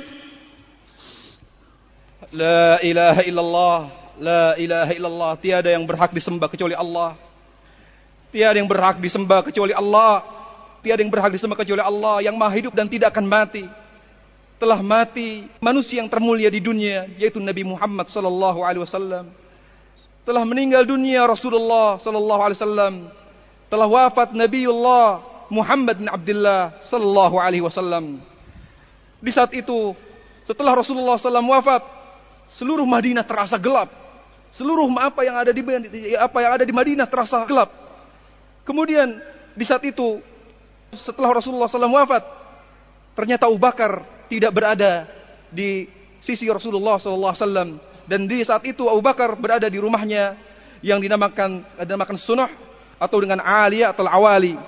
Kemudian Umar bin Khattab radhiyallahu an begitu terpukul dengan kematian Rasulullah sallallahu alaihi wasallam dan dia tidak percaya dengan kematian Rasulullah sallallahu alaihi wasallam karena begitu kuatnya, begitu kuatnya kesedihan Umar, begitu terpukulnya Umar sampai-sampai dia mengatakan sampai-sampai dia mengatakan wallahi ma mata Rasulullah sallam demi Allah Rasulullah belum mati. Demi Allah Rasulullah sallam belum mati. Wallahi sungguhnya Allah sedang mengutus Rasulullah sallam. Demi Allah aku akan potong tangan-tangan dan kaki-kaki mereka yang berani mengatakan Rasulullah wasallam telah mati yaitu orang-orang munafik. Tidak lama kemudian Abu Bakar setelah mendengar kabar kematian Rasulullah SAW, beliau segera mendatangi mendatangi tempat di mana Rasulullah SAW meninggal dan beliau dari rumahnya menunggang kuda menunggangi kuda sampai akhirnya sampai hingga sampai ke masjid. Kemudian tanpa banyak bicara Abu Bakar langsung menuju ke jenazah Rasulullah sallallahu alaihi wasallam. Dan di saat itu Rasulullah sallam ditutup jenazahnya ditutup oleh sebuah kain. Kemudian Abu Bakar radhiyallahu membuka wajahnya. Kemudian Abu Bakar menangis. Kemudian Abu Bakar mencium, mencium kening Rasulullah sallallahu alaihi wasallam sambil menangis. Kemudian Abu Bakar radhiyallahu mengatakan, "Demi Allah, engkau adalah nabi. Engkau adalah nabi, engkau adalah orang yang baik di saat hidup. Engkau adalah orang yang baik di saat hidup dan di saat di saat mati." Kemudian Abu Bakar pun menunjukkan perkataannya, kematian, kematian yang telah Allah janjikan kepadamu telah engkau alami sekarang ini. Kematian yang Allah janjikan kepadamu telah engkau alami sekarang ini. Kemudian Abu Bakar pun keluar menuju masjid. ثم خرج أبو بكر رضي الله عنه إلى المسجد وعمر رضي الله عنه يكلم الناس فقال أيها الحالف على رسلك اجلس. فأبى عمر رضي الله عنه قال اجلس. فأبى عمر رضي الله عنه قال اجلس. فأبى عمر رضي الله عنه فتشهد أبو بكر رضي الله عنه فلما تكلم أبو بكر جلس عمر ومال الناس إلى أبي بكر فحمد الله وأثنى عليه ثم قال أما بعد فمن كان يعبد محمدا فإن محمدا قد مات ومن كان يعبد الله فإن الله حي لا يموت قال تعالى إنك ميت وإنهم ميتون. وقال تعالى وما محمد إلا رسول قد خلت من قبله الرسل. أفإن مات أو قتل انقلبتم على أعقابكم. ومن ينقلب على عقبيه فلن يضر الله شيئا. وسيجزي الله الشاكرين. فكأن الناس لم يكونوا يعلمون أن الله أنزل هذه الآية. حتى تلاها أبو بكر رضي الله عنه فتلقاها الناس منه وأخذوا يتلونها وقال عمر رضي الله عنه ما هو إلا أن سمعت أبا بكر تلاها حتى عقرت حتى ما تقلني رجلاي أو حتى أهويت إلى الأرض. حين سمعته تلاها علمت أن النبي صلى الله عليه وسلم قد مات. ونشج الناس يبكون وارتفع البكاء في مسجد رسول الله صلى الله عليه وسلم. Kemudian Abu Bakar keluar menuju masjid. Dan Umar di saat itu berteriak sambil bersumpah demi Allah itu menyatakan bahwa Rasulullah SAW belum mati. Terus bersumpah. Kemudian Abu Bakar mendapati Umar melakukan hal seperti itu. Dia mengatakan, wahai orang yang bersumpah, ayyuhal halif, wahai orang yang bersumpah, duduklah engkau. Lalu Umar menolak. Lalu Abu Bakar memerintahkannya kembali, duduklah engkau. Kemudian Umar menolak. Kemudian Abu Bakar memerintahkannya untuk duduk. Kemudian Umar menolak. Akhirnya Abu Bakar mengucapkan la ilaha illallah. Kemudian Abu Bakar mulai mulai berbicara, mulai berbicara ke hadapan manusia, mendengar Abu Bakar radhiyallahu anhu berbicara, mulai berbicara, lalu Umar pun berdiam. Dan setelah itu, sahabat yang ada di saat itu, seluruh sahabat mengalihkan wajahnya kepada Rasul Abu Bakar Siddiq radhiyallahu an. Setelah seluruh manusia, seluruh sahabat Rasulullah SAW melihat Abu Bakar radhiyallahu an, tertuju perhatiannya kepada beliau radhiyallahu an. Lalu Abu Bakar berkata, "Ya ayyuhan nas, wahai para manusia, sungguhnya barang siapa yang menyembah Muhammad, sungguhnya Muhammad telah mati. Dan barang siapa yang menyembah Allah, sungguhnya Allah adalah maha hidup dan tidak akan mati." Lalu Abu Bakar membawakan ayat, "Innaka mayyitun wa innahum mayyitun." Sungguhnya engkau akan mengalami mati sebagaimana apa yang telah dialami oleh orang-orang oleh orang nabi dan rasul sebelum sebelum kamu. Kemudian juga dia membawakan ayat yang lain. Kemudian juga di saat itu akhirnya manusia baru menyadari akhirnya pada saat itu setelah apa yang dikatakan Abu Bakar setelah itu para sahabat Rasulullah sallallahu alaihi wasallam sangat meyakini bahwa Rasulullah sallallahu alaihi wasallam telah meninggal dunia. Bahwa Rasulullah SAW telah meninggal dunia. Dan ketika mendengar ayat yang dibacakan Abu Bakar Umar pun tercengang Umar pun sangat tercengang karena dia baru mengingat ayat tersebut. Kemudian dia menangis. Setelah Umar menangis, seluruh sahabat yang ada di satu semuanya menangis. Semuanya menangis. Seraya Umar berkata, "Demi Allah, sungguhnya aku seakan-akan belum pernah mendengar ayat tersebut. Sungguhnya aku seakan-akan belum pernah mendengar ayat tersebut. Wallahi, sampai-sampai aku tidak mampu berdiri. Sampai setelah aku mendengar ayat yang dibacakan oleh Abu Bakar tersebut. Sampai aku tidak mampu berdiri. Karena aku saat sekarang ini baru sadar bahwa Rasulullah Sallallahu Alaihi Wasallam telah mati. Bahwa Rasulullah Sallallahu Alaihi Wasallam telah mati. Dan aku yakin betul Rasulullah Sallam telah mati. Dan di saat itu hampir seluruh sahabat Rasulullah Sallallahu Alaihi Wasallam pun menangis. Dan di saat itu terdengar suara menangis dari seluruh sahabat Rasulullah Sallallahu Alaihi Wasallam. وفي يوم الثلاثاء شرع الصحابة رضوان الله عليهم في تجهيز النبي صلى الله عليه وسلم ولما أرادوا غسله صلى الله عليه وسلم قالوا والله ما ندري أنجرد رسول الله صلى الله عليه وسلم من ثيابه كما نجرد موتانا أم نغسله في ثيابه؟ فلما اختلفوا ألقى الله عز وجل عليهم النوم حتى ما منهم من رجل إلا وذقنه في صدره ثم كلمهم متكلم من ناحية البيت لا يدرون من هو أن غسلوا النبي صلى الله عليه وسلم وعليه ثيابه. فتولى علي رضي الله عنه تغسيل النبي صلى الله عليه وسلم وعاونه بعض الصحابة قاموا إلى حبيبهم رسول الله صلى الله عليه وسلم فغسلوه وعليه قميصه يصبون الماء فوق القميص ويدلكونه بالقميص دون أيديهم قال علي رضي الله عنه فجعلت أنظر ما يكون من الميت فلم أر شيئا وكان صلى الله عليه وسلم طيبا حيا وميتا pada hari Selasa yaitu keesokan harinya lalu para sahabat Rasulullah sallallahu alaihi wasallam hendak menyiapkan segala, segala sesuatu untuk menyiapkan prosesi pemakaman Rasulullah sallallahu alaihi wasallam namun mereka mengalami kebingungan ketika akan memandikan Rasulullah sallallahu alaihi wasallam. Apakah Rasulullah SAW dilepaskan? Apakah dilepas seluruh pakaian yang ia kenakan sekarang ini? Atau dibiarkan begitu saja? Atau dibiarkan Rasulullah SAW dimandikan dengan menggunakan pakaian yang digunakan sekarang ini. Akhirnya, akhirnya sebuah kesimpulan bahwa bahwa Allah Azza wa Jalla memberikan ilham kepada sebagian sahabatnya yaitu bahwa Rasulullah SAW dibiarkan Rasulullah SAW jenazahnya ketika dimandikan dibiarkan dengan pakaiannya dibiarkan dengan pakaiannya akhirnya Rasulullah Rasulullah SAW pun dimandikan dengan karena seperti itu Kemudian Ali bin Abi Thalib radhiyallahu anhu mengambil alih yaitu beliau yaitu Ali yang memandikan Rasulullah sallallahu alaihi wasallam yang dibantu oleh sebagian sahabatnya, ya dibantu oleh sebagian sahabatnya. Pada saat Ali bin Abi Thalib radhiyallahu anhu memandikan, beliau mulai menyiram menyirami gamis yang dikenakan oleh Rasulullah sallallahu alaihi wasallam. Beliau menyiram dikit demi sedikit air kepada ke, ke gamis yang dikenakan oleh Rasulullah sallallahu alaihi wasallam. Seraya Ali ketika memandikan Rasulullah sallallahu alaihi wasallam mengatakan, "Aku melihat, aku melihat aku melihat jenazah Rasulullah sallallahu alaihi wasallam. Wallahi, jenazah Rasulullah sallallahu tidaklah seperti jenazah orang biasa. Bahwa Rasulullah sallallahu adalah orang yang paling besi yang pernah aku lihat."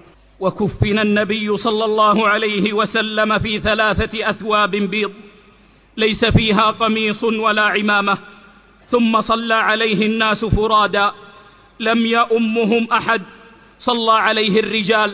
ثم الصبيان. ثم النساء والعبيد والإماء. ودفن النبي صلى الله عليه وسلم ليلة الأربعاء حيث مات. في بيت عائشة رضي الله عنها في خارج المسجد. واختلف الصحابة في كيفية حفر قبر النبي صلى الله عليه وسلم وكان في المدينة رجل يحفر القبر لحدا وآخر يحفر, يحفر القبر شقا. فقالوا نستخير ربنا ونبعث إليهما فأيهما سبق؟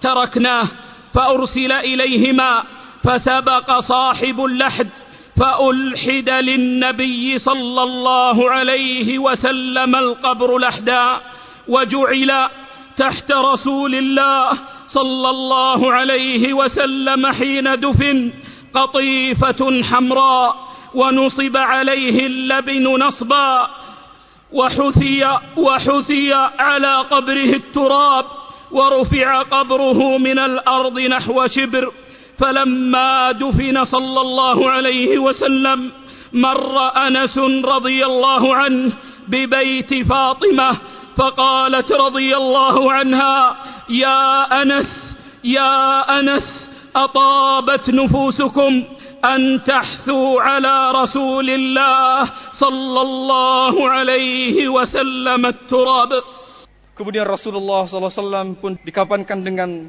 tiga kain kafan. Kemudian Rasulullah SAW dikamparkan dengan tiga kain kafan.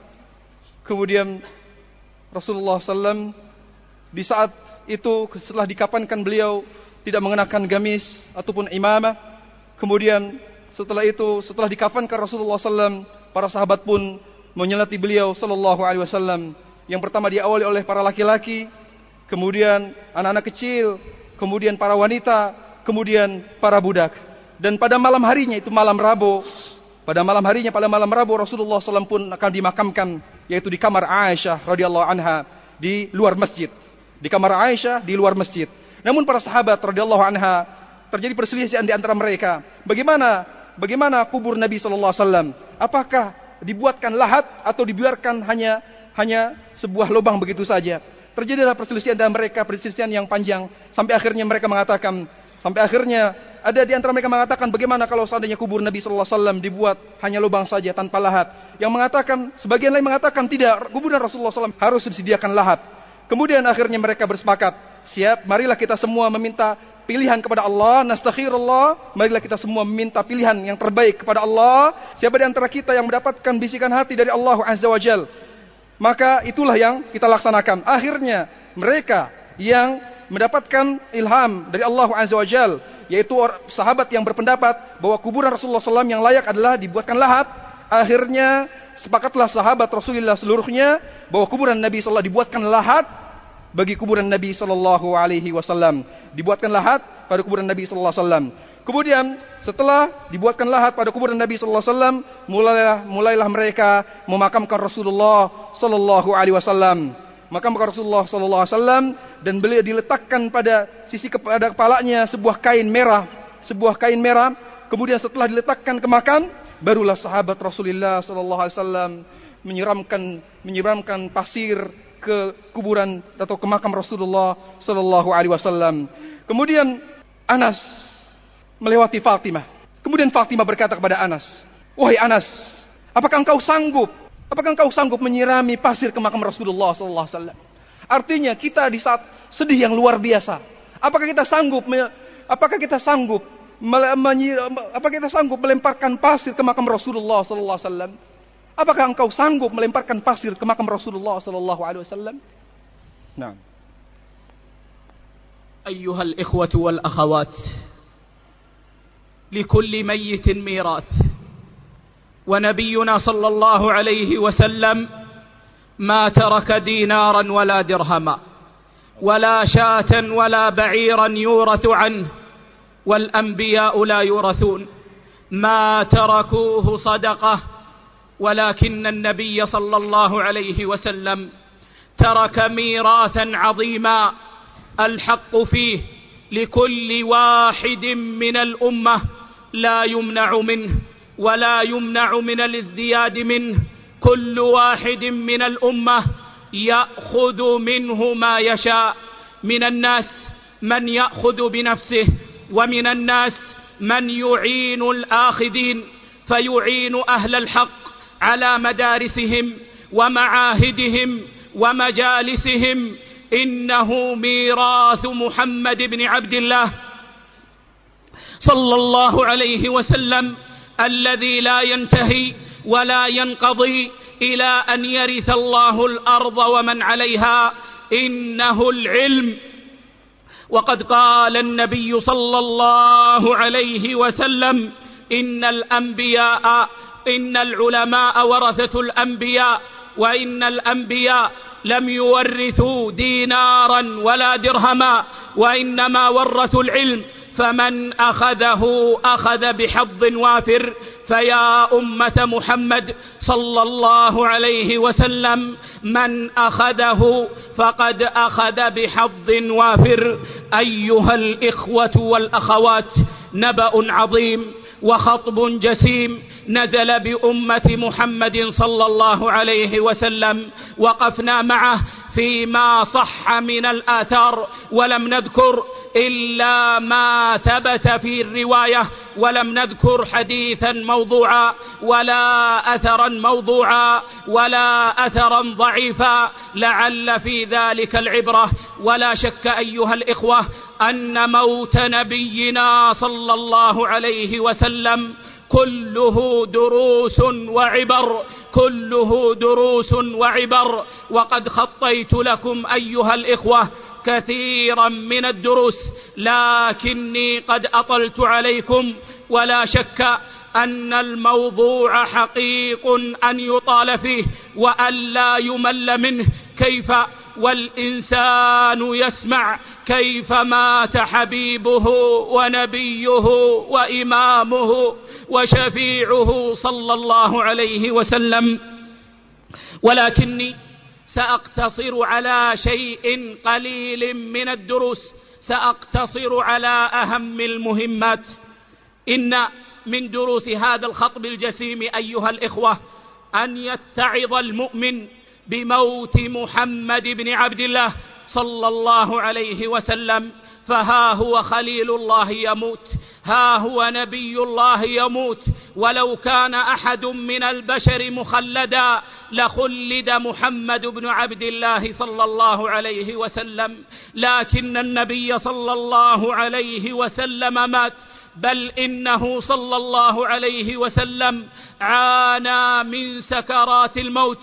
بل اشتد عليه الموت. حتى قالت أمنا عائشة رضي الله عنها ما كرهت شدة الموت لأحد بعد النبي صلى الله عليه وسلم وكيف لا نتعظ أيها الإخوة بموت النبي صلى الله عليه وسلم بموت سيد المرسلين وإمام المتقين وخليل رب العالمين وهل يتوهم متوهم بعد موت النبي صلى الله عليه وسلم أنه يكون مخلدا لا ورب الكعبة؟ كل نفس ذائقة الموت كل نفس ذائقة الموت. فهنيئا أيها الإخوة لمن اتعظ وأعد العدة للرحيل قبل فوات الأوان فإن الآجال تنزل بلا استئذان. وتحين بلا إعلان. وكم من حبيب لنا مات بين أيدينا. كان يظن أنه يدفن أباه وأمه فدفنه أبوه وأمه. كم من حبيب لنا مات على الفراش بجوارنا. ونحن نظن أن نستيقظ معا في الصباح. كم من حبيب لنا نزل به الموت بغتة. وإن الموت أيها الإخوة ليس منا ببعيد. إن الواحد منا قد لا ينطق بالكلمة حتى يكملها حتى يفجأه الموت. فعلينا ايها الاخوه ان نتعظ بذلك والكيس من تذكر الموت والبلاء واستمسك من الاسلام بالعروه الوثقى وعلم حقا ان الاخره خير وابقى Wahai saudara-saudaraku, sungguhnya apa yang kita bahas tadi tentang kematian Nabi Shallallahu Alaihi Wasallam merupakan sebuah hal yang sangat besar yang telah menimpa umat dan apa yang saya sampaikan dari awal sampai akhir tentang kematian Nabi Shallallahu Alaihi Wasallam adalah materi yang berdasarkan riwayat yang sahih. Tidak ada satupun yang saya sampaikan daripada riwayat yang dhaif ataupun lemah. Dan tidak diragukan bahwa kematian Nabi Muhammad sallallahu alaihi wasallam semuanya bahwa seluruh bahwa kematian Nabi tentang bahwa kisah kematian Nabi Muhammad sallallahu alaihi wasallam seluruhnya adalah pelajaran bagi kita semua.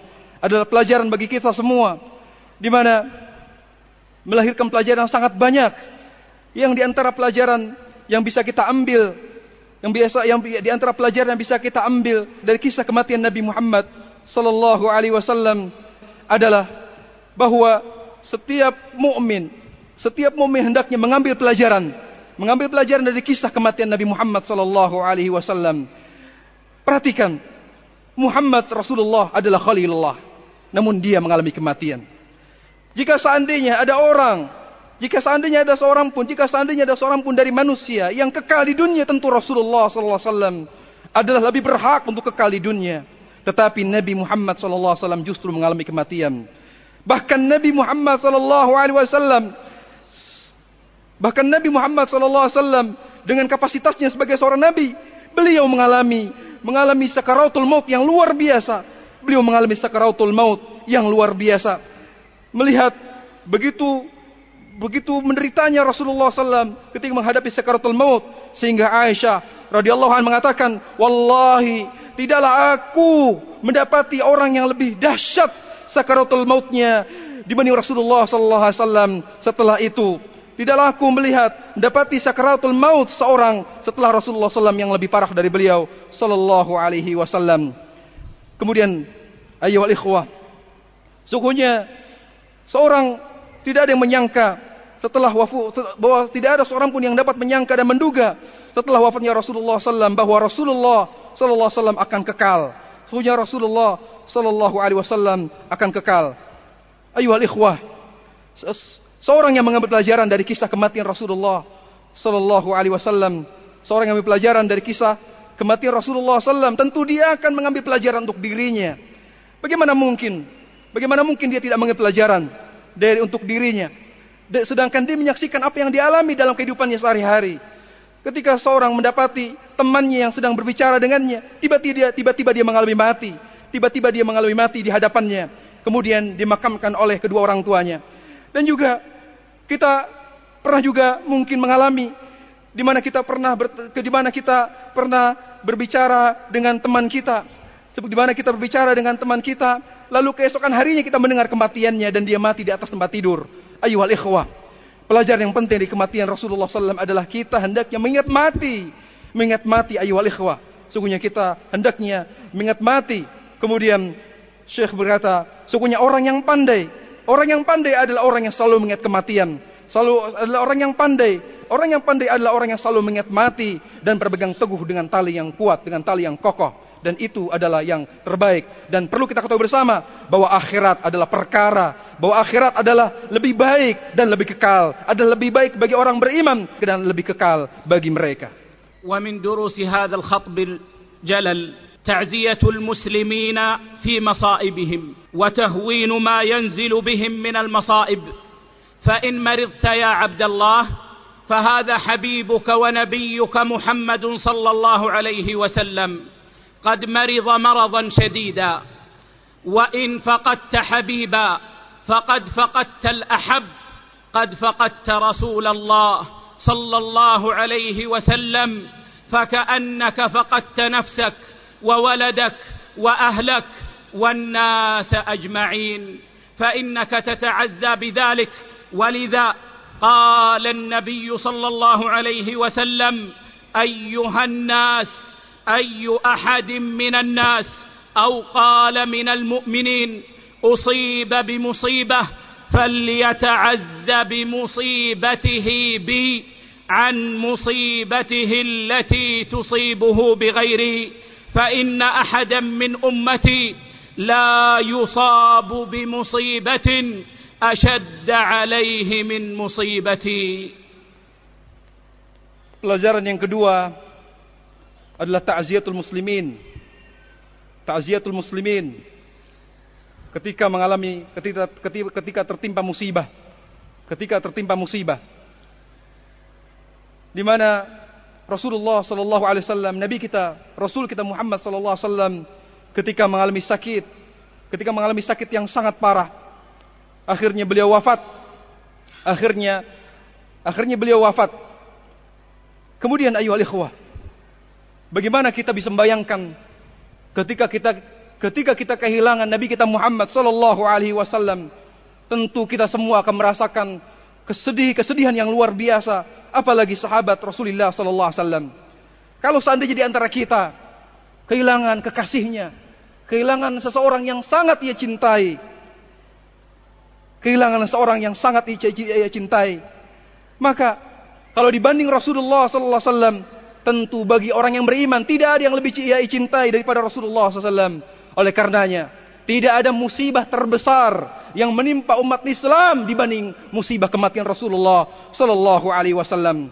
Pada akhirnya Rasulullah Sallallahu Alaihi Wasallam memberikan kita arahan yang yang baik kepada kita ketika kita semua tertimpa musibah kematian dengan membandingkan dengan musibah kematian yang menimpa Rasulullah sallallahu alaihi wasallam. Di mana Rasulullah SAW bersabda, "Wahai para manusia, wahai para manusia, wahai para manusia, tidaklah seorang pun dari manusia atau tidaklah seorang pun dari orang-orang beriman, tidaklah seorang pun dari orang-orang yang beriman yang ketika tertimpa musibah, yang ketika tertimpa musibah lalu dia bandingkan musibah kematian dengan musibah kematianku. Sungguhnya seorang dari umat ketika tertimpa dengan musibah kematian, orang yang ia cintai, apakah anaknya, apakah orang tuanya atau siapapun, hendaknya dia mengingat dan membandingkannya dengan kematianku kata Rasulullah sallallahu alaihi wasallam. أيها الإخوة والأخوات من دروس هذا الخطب الجلل عظم شأن التوحيد الذي بعث به النبي صلى الله عليه وسلم ودعا إليه في حياته وأمر به في آخر حياته وحذر من ضده. وهكذا المسلم الموفق يحرص على أن يكون من أهل التوحيد عملا ودعوة حتى يوافيه الأجل وهو على هذا المنهج المبارك يحب التوحيد وأهله. ويكون من أهل التوحيد وأهله ويدعو إلى أهل التوحيد ويدعو إلى التوحيد ويوالي أهل التوحيد ويكون مع أهل التوحيد ويسأل الله ليل نهار أن يثبته على ذلك حتى يلقى ربه سبحانه وهو على هذا الأمر العظيم. Dan pelajaran ketiga yang bisa kita ambil di mana dari kisah kematian Nabi Muhammad SAW memberikan pelajaran yang penting. Akan pentingnya perkara tauhid. Di mana Nabi Muhammad SAW diutus dengannya dan mendakwai manusia kepadanya yaitu kepada tauhid di masa hidupnya. Bahkan Nabi SAW memerintahkan manusia di akhir hayatnya memerintahkan manusia di akhir hayatnya kepada tauhid. Demikian demikianlah orang-orang Islam hendaknya menjadi orang-orang yang memperhatikan dan memperhatikan tauhid secara amal dan secara dakwah. Terus hendaknya kaum muslimin kita semua memperhatikan perkara tauhid. Dari sisi amal dan dari sisi dakwah sampai ajal menjemput kita. Dan manhat manhat yang lebih mengedepankan tauhid, manhat dakwah, manhadul amal yang menitik beratkan kepada tauhid adalah manhat yang berkah, adalah manhat yang berkah. Karena dengan demikian orang yang memperhatikan tauhid adalah termasuk adalah orang-orang yang bertauhid. Dan senantiasa mendakwai tauhid, senantiasa mendakwai tauhid dan kita memohon kepada Allah Subhanahu wa taala agar kita termasuk orang-orang yang senantiasa bertauhid kepada Allah Subhanahu wa taala dan menyeru kepada tauhid hingga akhir hayat kita. Wa min durusi hadzal khatb al-jalal بيان أن بناء المساجد على القبور وإدخال القبور إليها جريمة عظمى وصف صلى الله عليه وسلم أصحابها بأنهم من شرار الخلق واستحقوا اللعنة من رسول الله صلى الله عليه وسلم. فكيف يطيب قلب المؤمن بأن يفعل امرا حذر منه النبي صلى الله عليه وسلم في آخر وفاته وهو يشتد عليه المرض. حذر منه مرارا. حذر منه مرارا. خشية على أمته من هذه الفتنة. بل إنه صلى الله عليه وسلم لم يدفن في المسجد. لم يدفن في المسجد. وإنما دفن في خارج المسجد في بيت عائشة رضي الله عنها. وعندما وسع عثمان بن عفان رضي الله عنه مسجد رسول الله صلى الله عليه وسلم لم يدخل القبر في المسجد بل وسع, المس وسع المسجد من النواحي كلها إلا من الناحية التي إلى جهة القبر إلا أنه أخطأ بعض خلفاء بني أمية فأدخل القبر في المسجد. وليس في فعله حجة لأحد وإنما الحجة في قول رسول الله صلى الله عليه وسلم وفي فعل صحابة رسول الله صلى الله عليه وسلم. ولذا على أمة محمد صلى الله عليه وسلم التي ترفع عن بكرة أبيها شعار محبة محمد بن عبد الله صلى الله عليه وسلم أن تحذر كل الحذر من هذه الجريمة الشنعاء. وإذا كان هنالك قبر في مسجد فإنه ينبغي أن ننظر. فإن كان المسجد قبل القبر فإنه يجب علينا أن ننبش القبر. وأن نخرجه من مسجد المسلمين لندفنه في مكان يكرم فيه في خارج مسجد المسلمين. وإن كان القبر قبل المسجد فإن الواجب أن نهدم المسجد فإن الحق للقبر ويبقى القبر في مكانه. Di antara pelajaran penting dari kisah kematian Nabi Muhammad sallallahu alaihi wasallam adalah penjelasan Nabi Muhammad sallallahu alaihi wasallam penjelasan Nabi Muhammad sallallahu alaihi wasallam bahwa membangun masjid di atas kubur adalah sesuatu yang haram adalah sesuatu yang haram dan merupakan dosa besar. Bahkan Nabi Muhammad sallallahu alaihi wasallam mensifati mereka orang-orang yang masukkan kuburan ke dalam masjid adalah seburuk-buruknya makhluk dan mereka berhak mereka berhak mendapati laknat Rasulullah sallallahu alaihi wasallam. Apakah mungkin seseorang merasa nyaman untuk melakukan apa yang dilarang oleh Rasulullah sallallahu alaihi wasallam? Padahal larangan tersebut beliau sallallahu alaihi wasallam sampaikan di akhir hayatnya dan bahkan beliau menyampaikannya di saat mengalami sakit keras. Bahkan mengulang-ulang beliau sallallahu alaihi wasallam memberikan peringatan. Kemudian ayo ikhwah, janganlah salah seorang di antara kita memiliki pemahaman yang salah membolehkannya kuburan dalam masjid dengan kuburan Rasulullah sallallahu alaihi wasallam. Sungguhnya ikhwah Rasulullah sallallahu alaihi wasallam tidaklah dikubur di dalam masjid tetapi beliau alaihi wasallam dimakamkan di kamar Aisyah. Kemudian beliau bahwa beliau alaihi wasallam dimakamkan di kamar Aisyah yaitu di luar masjid. Dan di masa di masa Uthman, di masa khilaf Uthman bin Affan radhiyallahu anhu di mana Uthman mengeluarkan kebijakan untuk memperluas Masjid Nabawi dari semua sisi, melakukan perluasan dari semua sisi kecuali sisi makam Rasulullah sallallahu alaihi wasallam. Namun kesalahan yang dialami oleh sebagian khalifah Bani Umayyah di mana mereka mengeluarkan kebijakan perluasan Masjid Nabawi dengan memasukkan kuburan Nabi sallallahu alaihi wasallam ke dalam masjid. Ayo ikhwah, hujah bukanlah ada pada perbuatan seorang, tapi hujjah hanya ada pada sabda Nabi sallallahu alaihi wasallam dan perbuatan sahabatnya. Hujjah hanya ada pada perkataan Rasulullah sallallahu alaihi wasallam dan ada pada perbuatan sahabat ridwanullahi alaihim ajmain. Demikianlah ayu ikhwah, sikap yang harus ada pada seorang umat Islam di mana dia harus selalu mengangkat syiar Islam. Syiar yang diangkat Rasulullah yaitu syiar tauhid, siang dan malam di mana kita harus waspada se kita harus waspada dari apa yang telah dilarang Rasulullah SAW, terutama apa yang tadi tersebut apa yang tersebut tadi. Kemudian ayat ikhwah, jika didapati ada sebuah kuburan di dalam masjid, apa yang harus kita lakukan? Para ulama menjelaskan, jika masjid, jika masjid itu ada sebelum kuburan, jika masjid itu ada sudah ada sebelum kuburan, maka wajib bagi kita semua untuk membongkar kuburan tersebut dan memindahkan tulang belulang jenazah ke luar masjid dan memindahkannya ke makam yang lain di luar masjid. Dan jika kuburan di dalam masjid dan jika kuburan tersebut adalah sebelum masjid, sebelum adanya masjid, bahwa makam itu ada sebelum masjid, maka wajib bagi kita untuk menghancurkan bangunan masjid, lalu kita membiarkan makam adalah makam dan lalu kita pindahkan bangunan masjid tersebut ke tempat yang lain. Nah. وقبل أن أذكر الدرس الأخير لضيق الوقت فقط وإلا فهو بحر علم أعني هذا الخطب.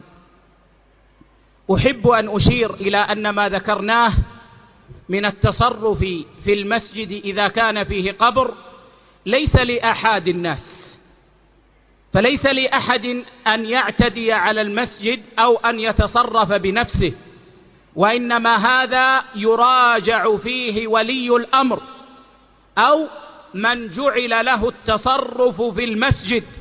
من القائمين على المسجد حتى يصلح الأمر ويكون الحال على ما كان يشرعه النبي صلى الله عليه وسلم.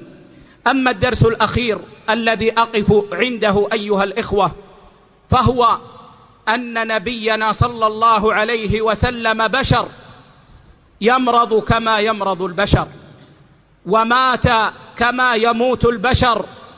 وإنما شرفه الله بالرسالة. فهو شر فهو بشر لا يعبد من دون الله ورسول يطاع ويتبع صلى الله عليه وسلم. فلا يجوز الغلو فيه ولا يجوز الجفاء فيه.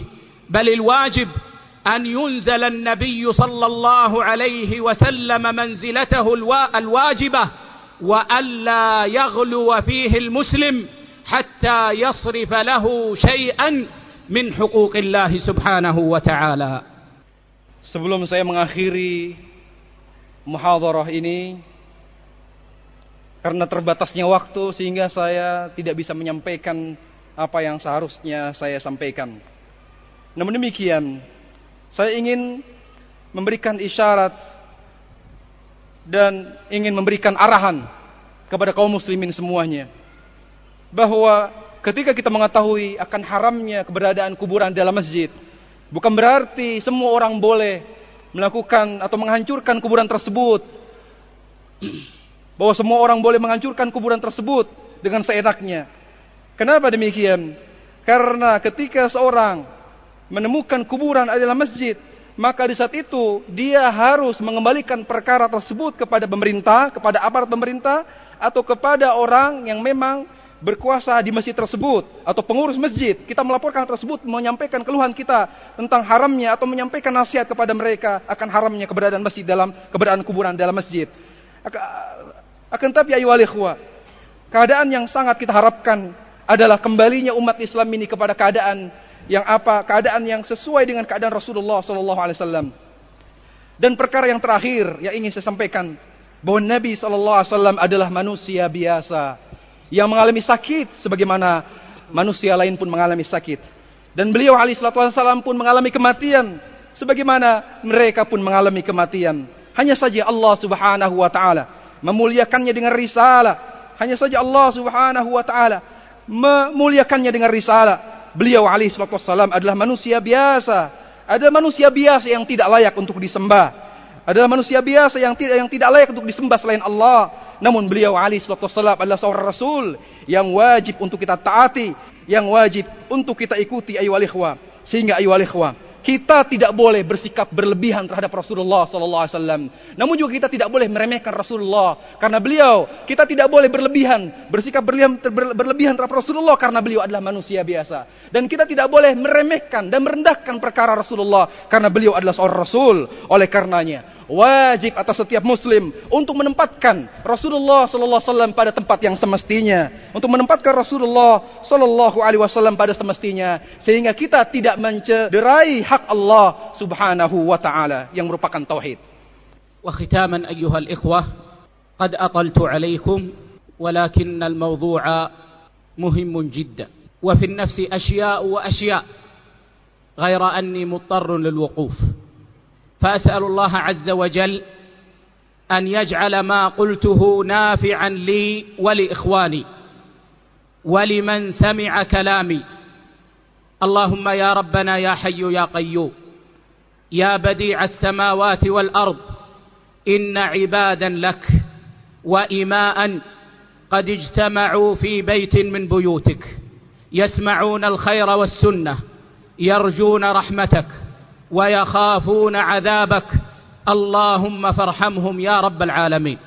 اللهم ارحمهم وأمنهم مما يخافون يا رب العالمين. اللهم ارحمهم رحمة واسعة يا رب العالمين. اللهم اجعلنا ممن يشرب من حوض نبيك صلى الله عليه وسلم. اللهم احشرنا مع نبيك صلى الله عليه وسلم يا رب العالمين. اللهم ارزقنا المحبة الصادقة لمحمد بن عبد الله صلى الله عليه وسلم وثبتنا عليها إلى أن نلقاك يا رب العالمين. اللهم اجعل أيامنا لنا لا علينا. اللهم اجعل أيامنا لنا لا علينا.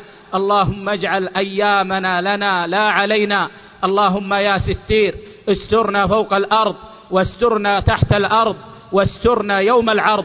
ولا تفضحنا بذنوبنا يوم العرض بين يديك. اللهم اغفر لنا اللهم اغفر لنا اللهم اغفر لنا ولآبائنا وأمهاتنا والمسلمين والمسلمات يا رب العالمين. والله أعلم وصلى الله على محمد وعلى آله وصحبه وسلم. Dan saya tidak mau berpanjang lebar lagi. Namun demikian materi yang saya sampaikan ini sangat penting sekali dan di dalam hati saya banyak sekali yang perlu saya sampaikan dan masih banyak sekali yang perlu saya sampaikan. Namun saya terdesak oleh terbatasnya waktu. Namun demikian ayu alikhwa kita semua dan saya pribadi beliau berkata dan saya mohon kepada Allah Subhanahu wa taala agar kita semua agar kita semua dikumpulkan di atas hak agar kita dikumpulkan semua di atas hak dan kita senantiasa mengikuti firman-Nya, mengikuti wahyunya, ya Hayyu ya Qayyum. Kemudian juga beliau hafidahullah taala berdoa mengajak kita untuk mendoakan Rasulullah SAW dan para sahabatnya. Dan beliau berdoa Ya Allah rahmatilah kami. Ya Allah rahmatilah kami. Ya Allah rahmatilah mereka. Ya Allah rahmatilah mereka. Ya Allah jadikanlah kami orang-orang yang setia mengikuti sunnah Nabi Sallallahu Alaihi Wasallam Ya Allah himpunlah kami bersama Nabi Muhammad Sallallahu Alaihi Wasallam Ya Allah beri Ya Allah rezekilah Ya Allah rezekikanlah kami cinta yang benar dan jujur terhadap Nabi Muhammad Sallallahu Alaihi Wasallam Ya Allah Rezekilah kami, rezekikanlah kami cinta yang jujur kepada Rasulullah SAW hingga kami bertemu, bertemu Engkau ya, ya Allah. Ya Allah, ya Rabb kami, jadikanlah kami semua, jadikanlah kami semua orang-orang yang mampu memanfaatkan umur kami dengan baik. Jadikanlah umur kami sebagai bekal kami di akhirat kelak dan jangan Engkau jadikan umur kami sebagai sebab kami diadab di neraka. Ya Allah, tutuplah aurat kami dari bawah bumi, dari atas bumi. Ya Allah, tutupkan aurat kami, ya Allah. Ya Allah ampunilah dosa-dosa kami dan ampunilah dosa-dosa kedua orang tua kami dan ampunilah dosa-dosa kaum muslimin dan muslimat di mana pun mereka berada dan akhirnya Syekh pun mengakhiri dengan perkataannya wa sallallahu nabi Muhammad wa ala alihi wa sahbihi wasallam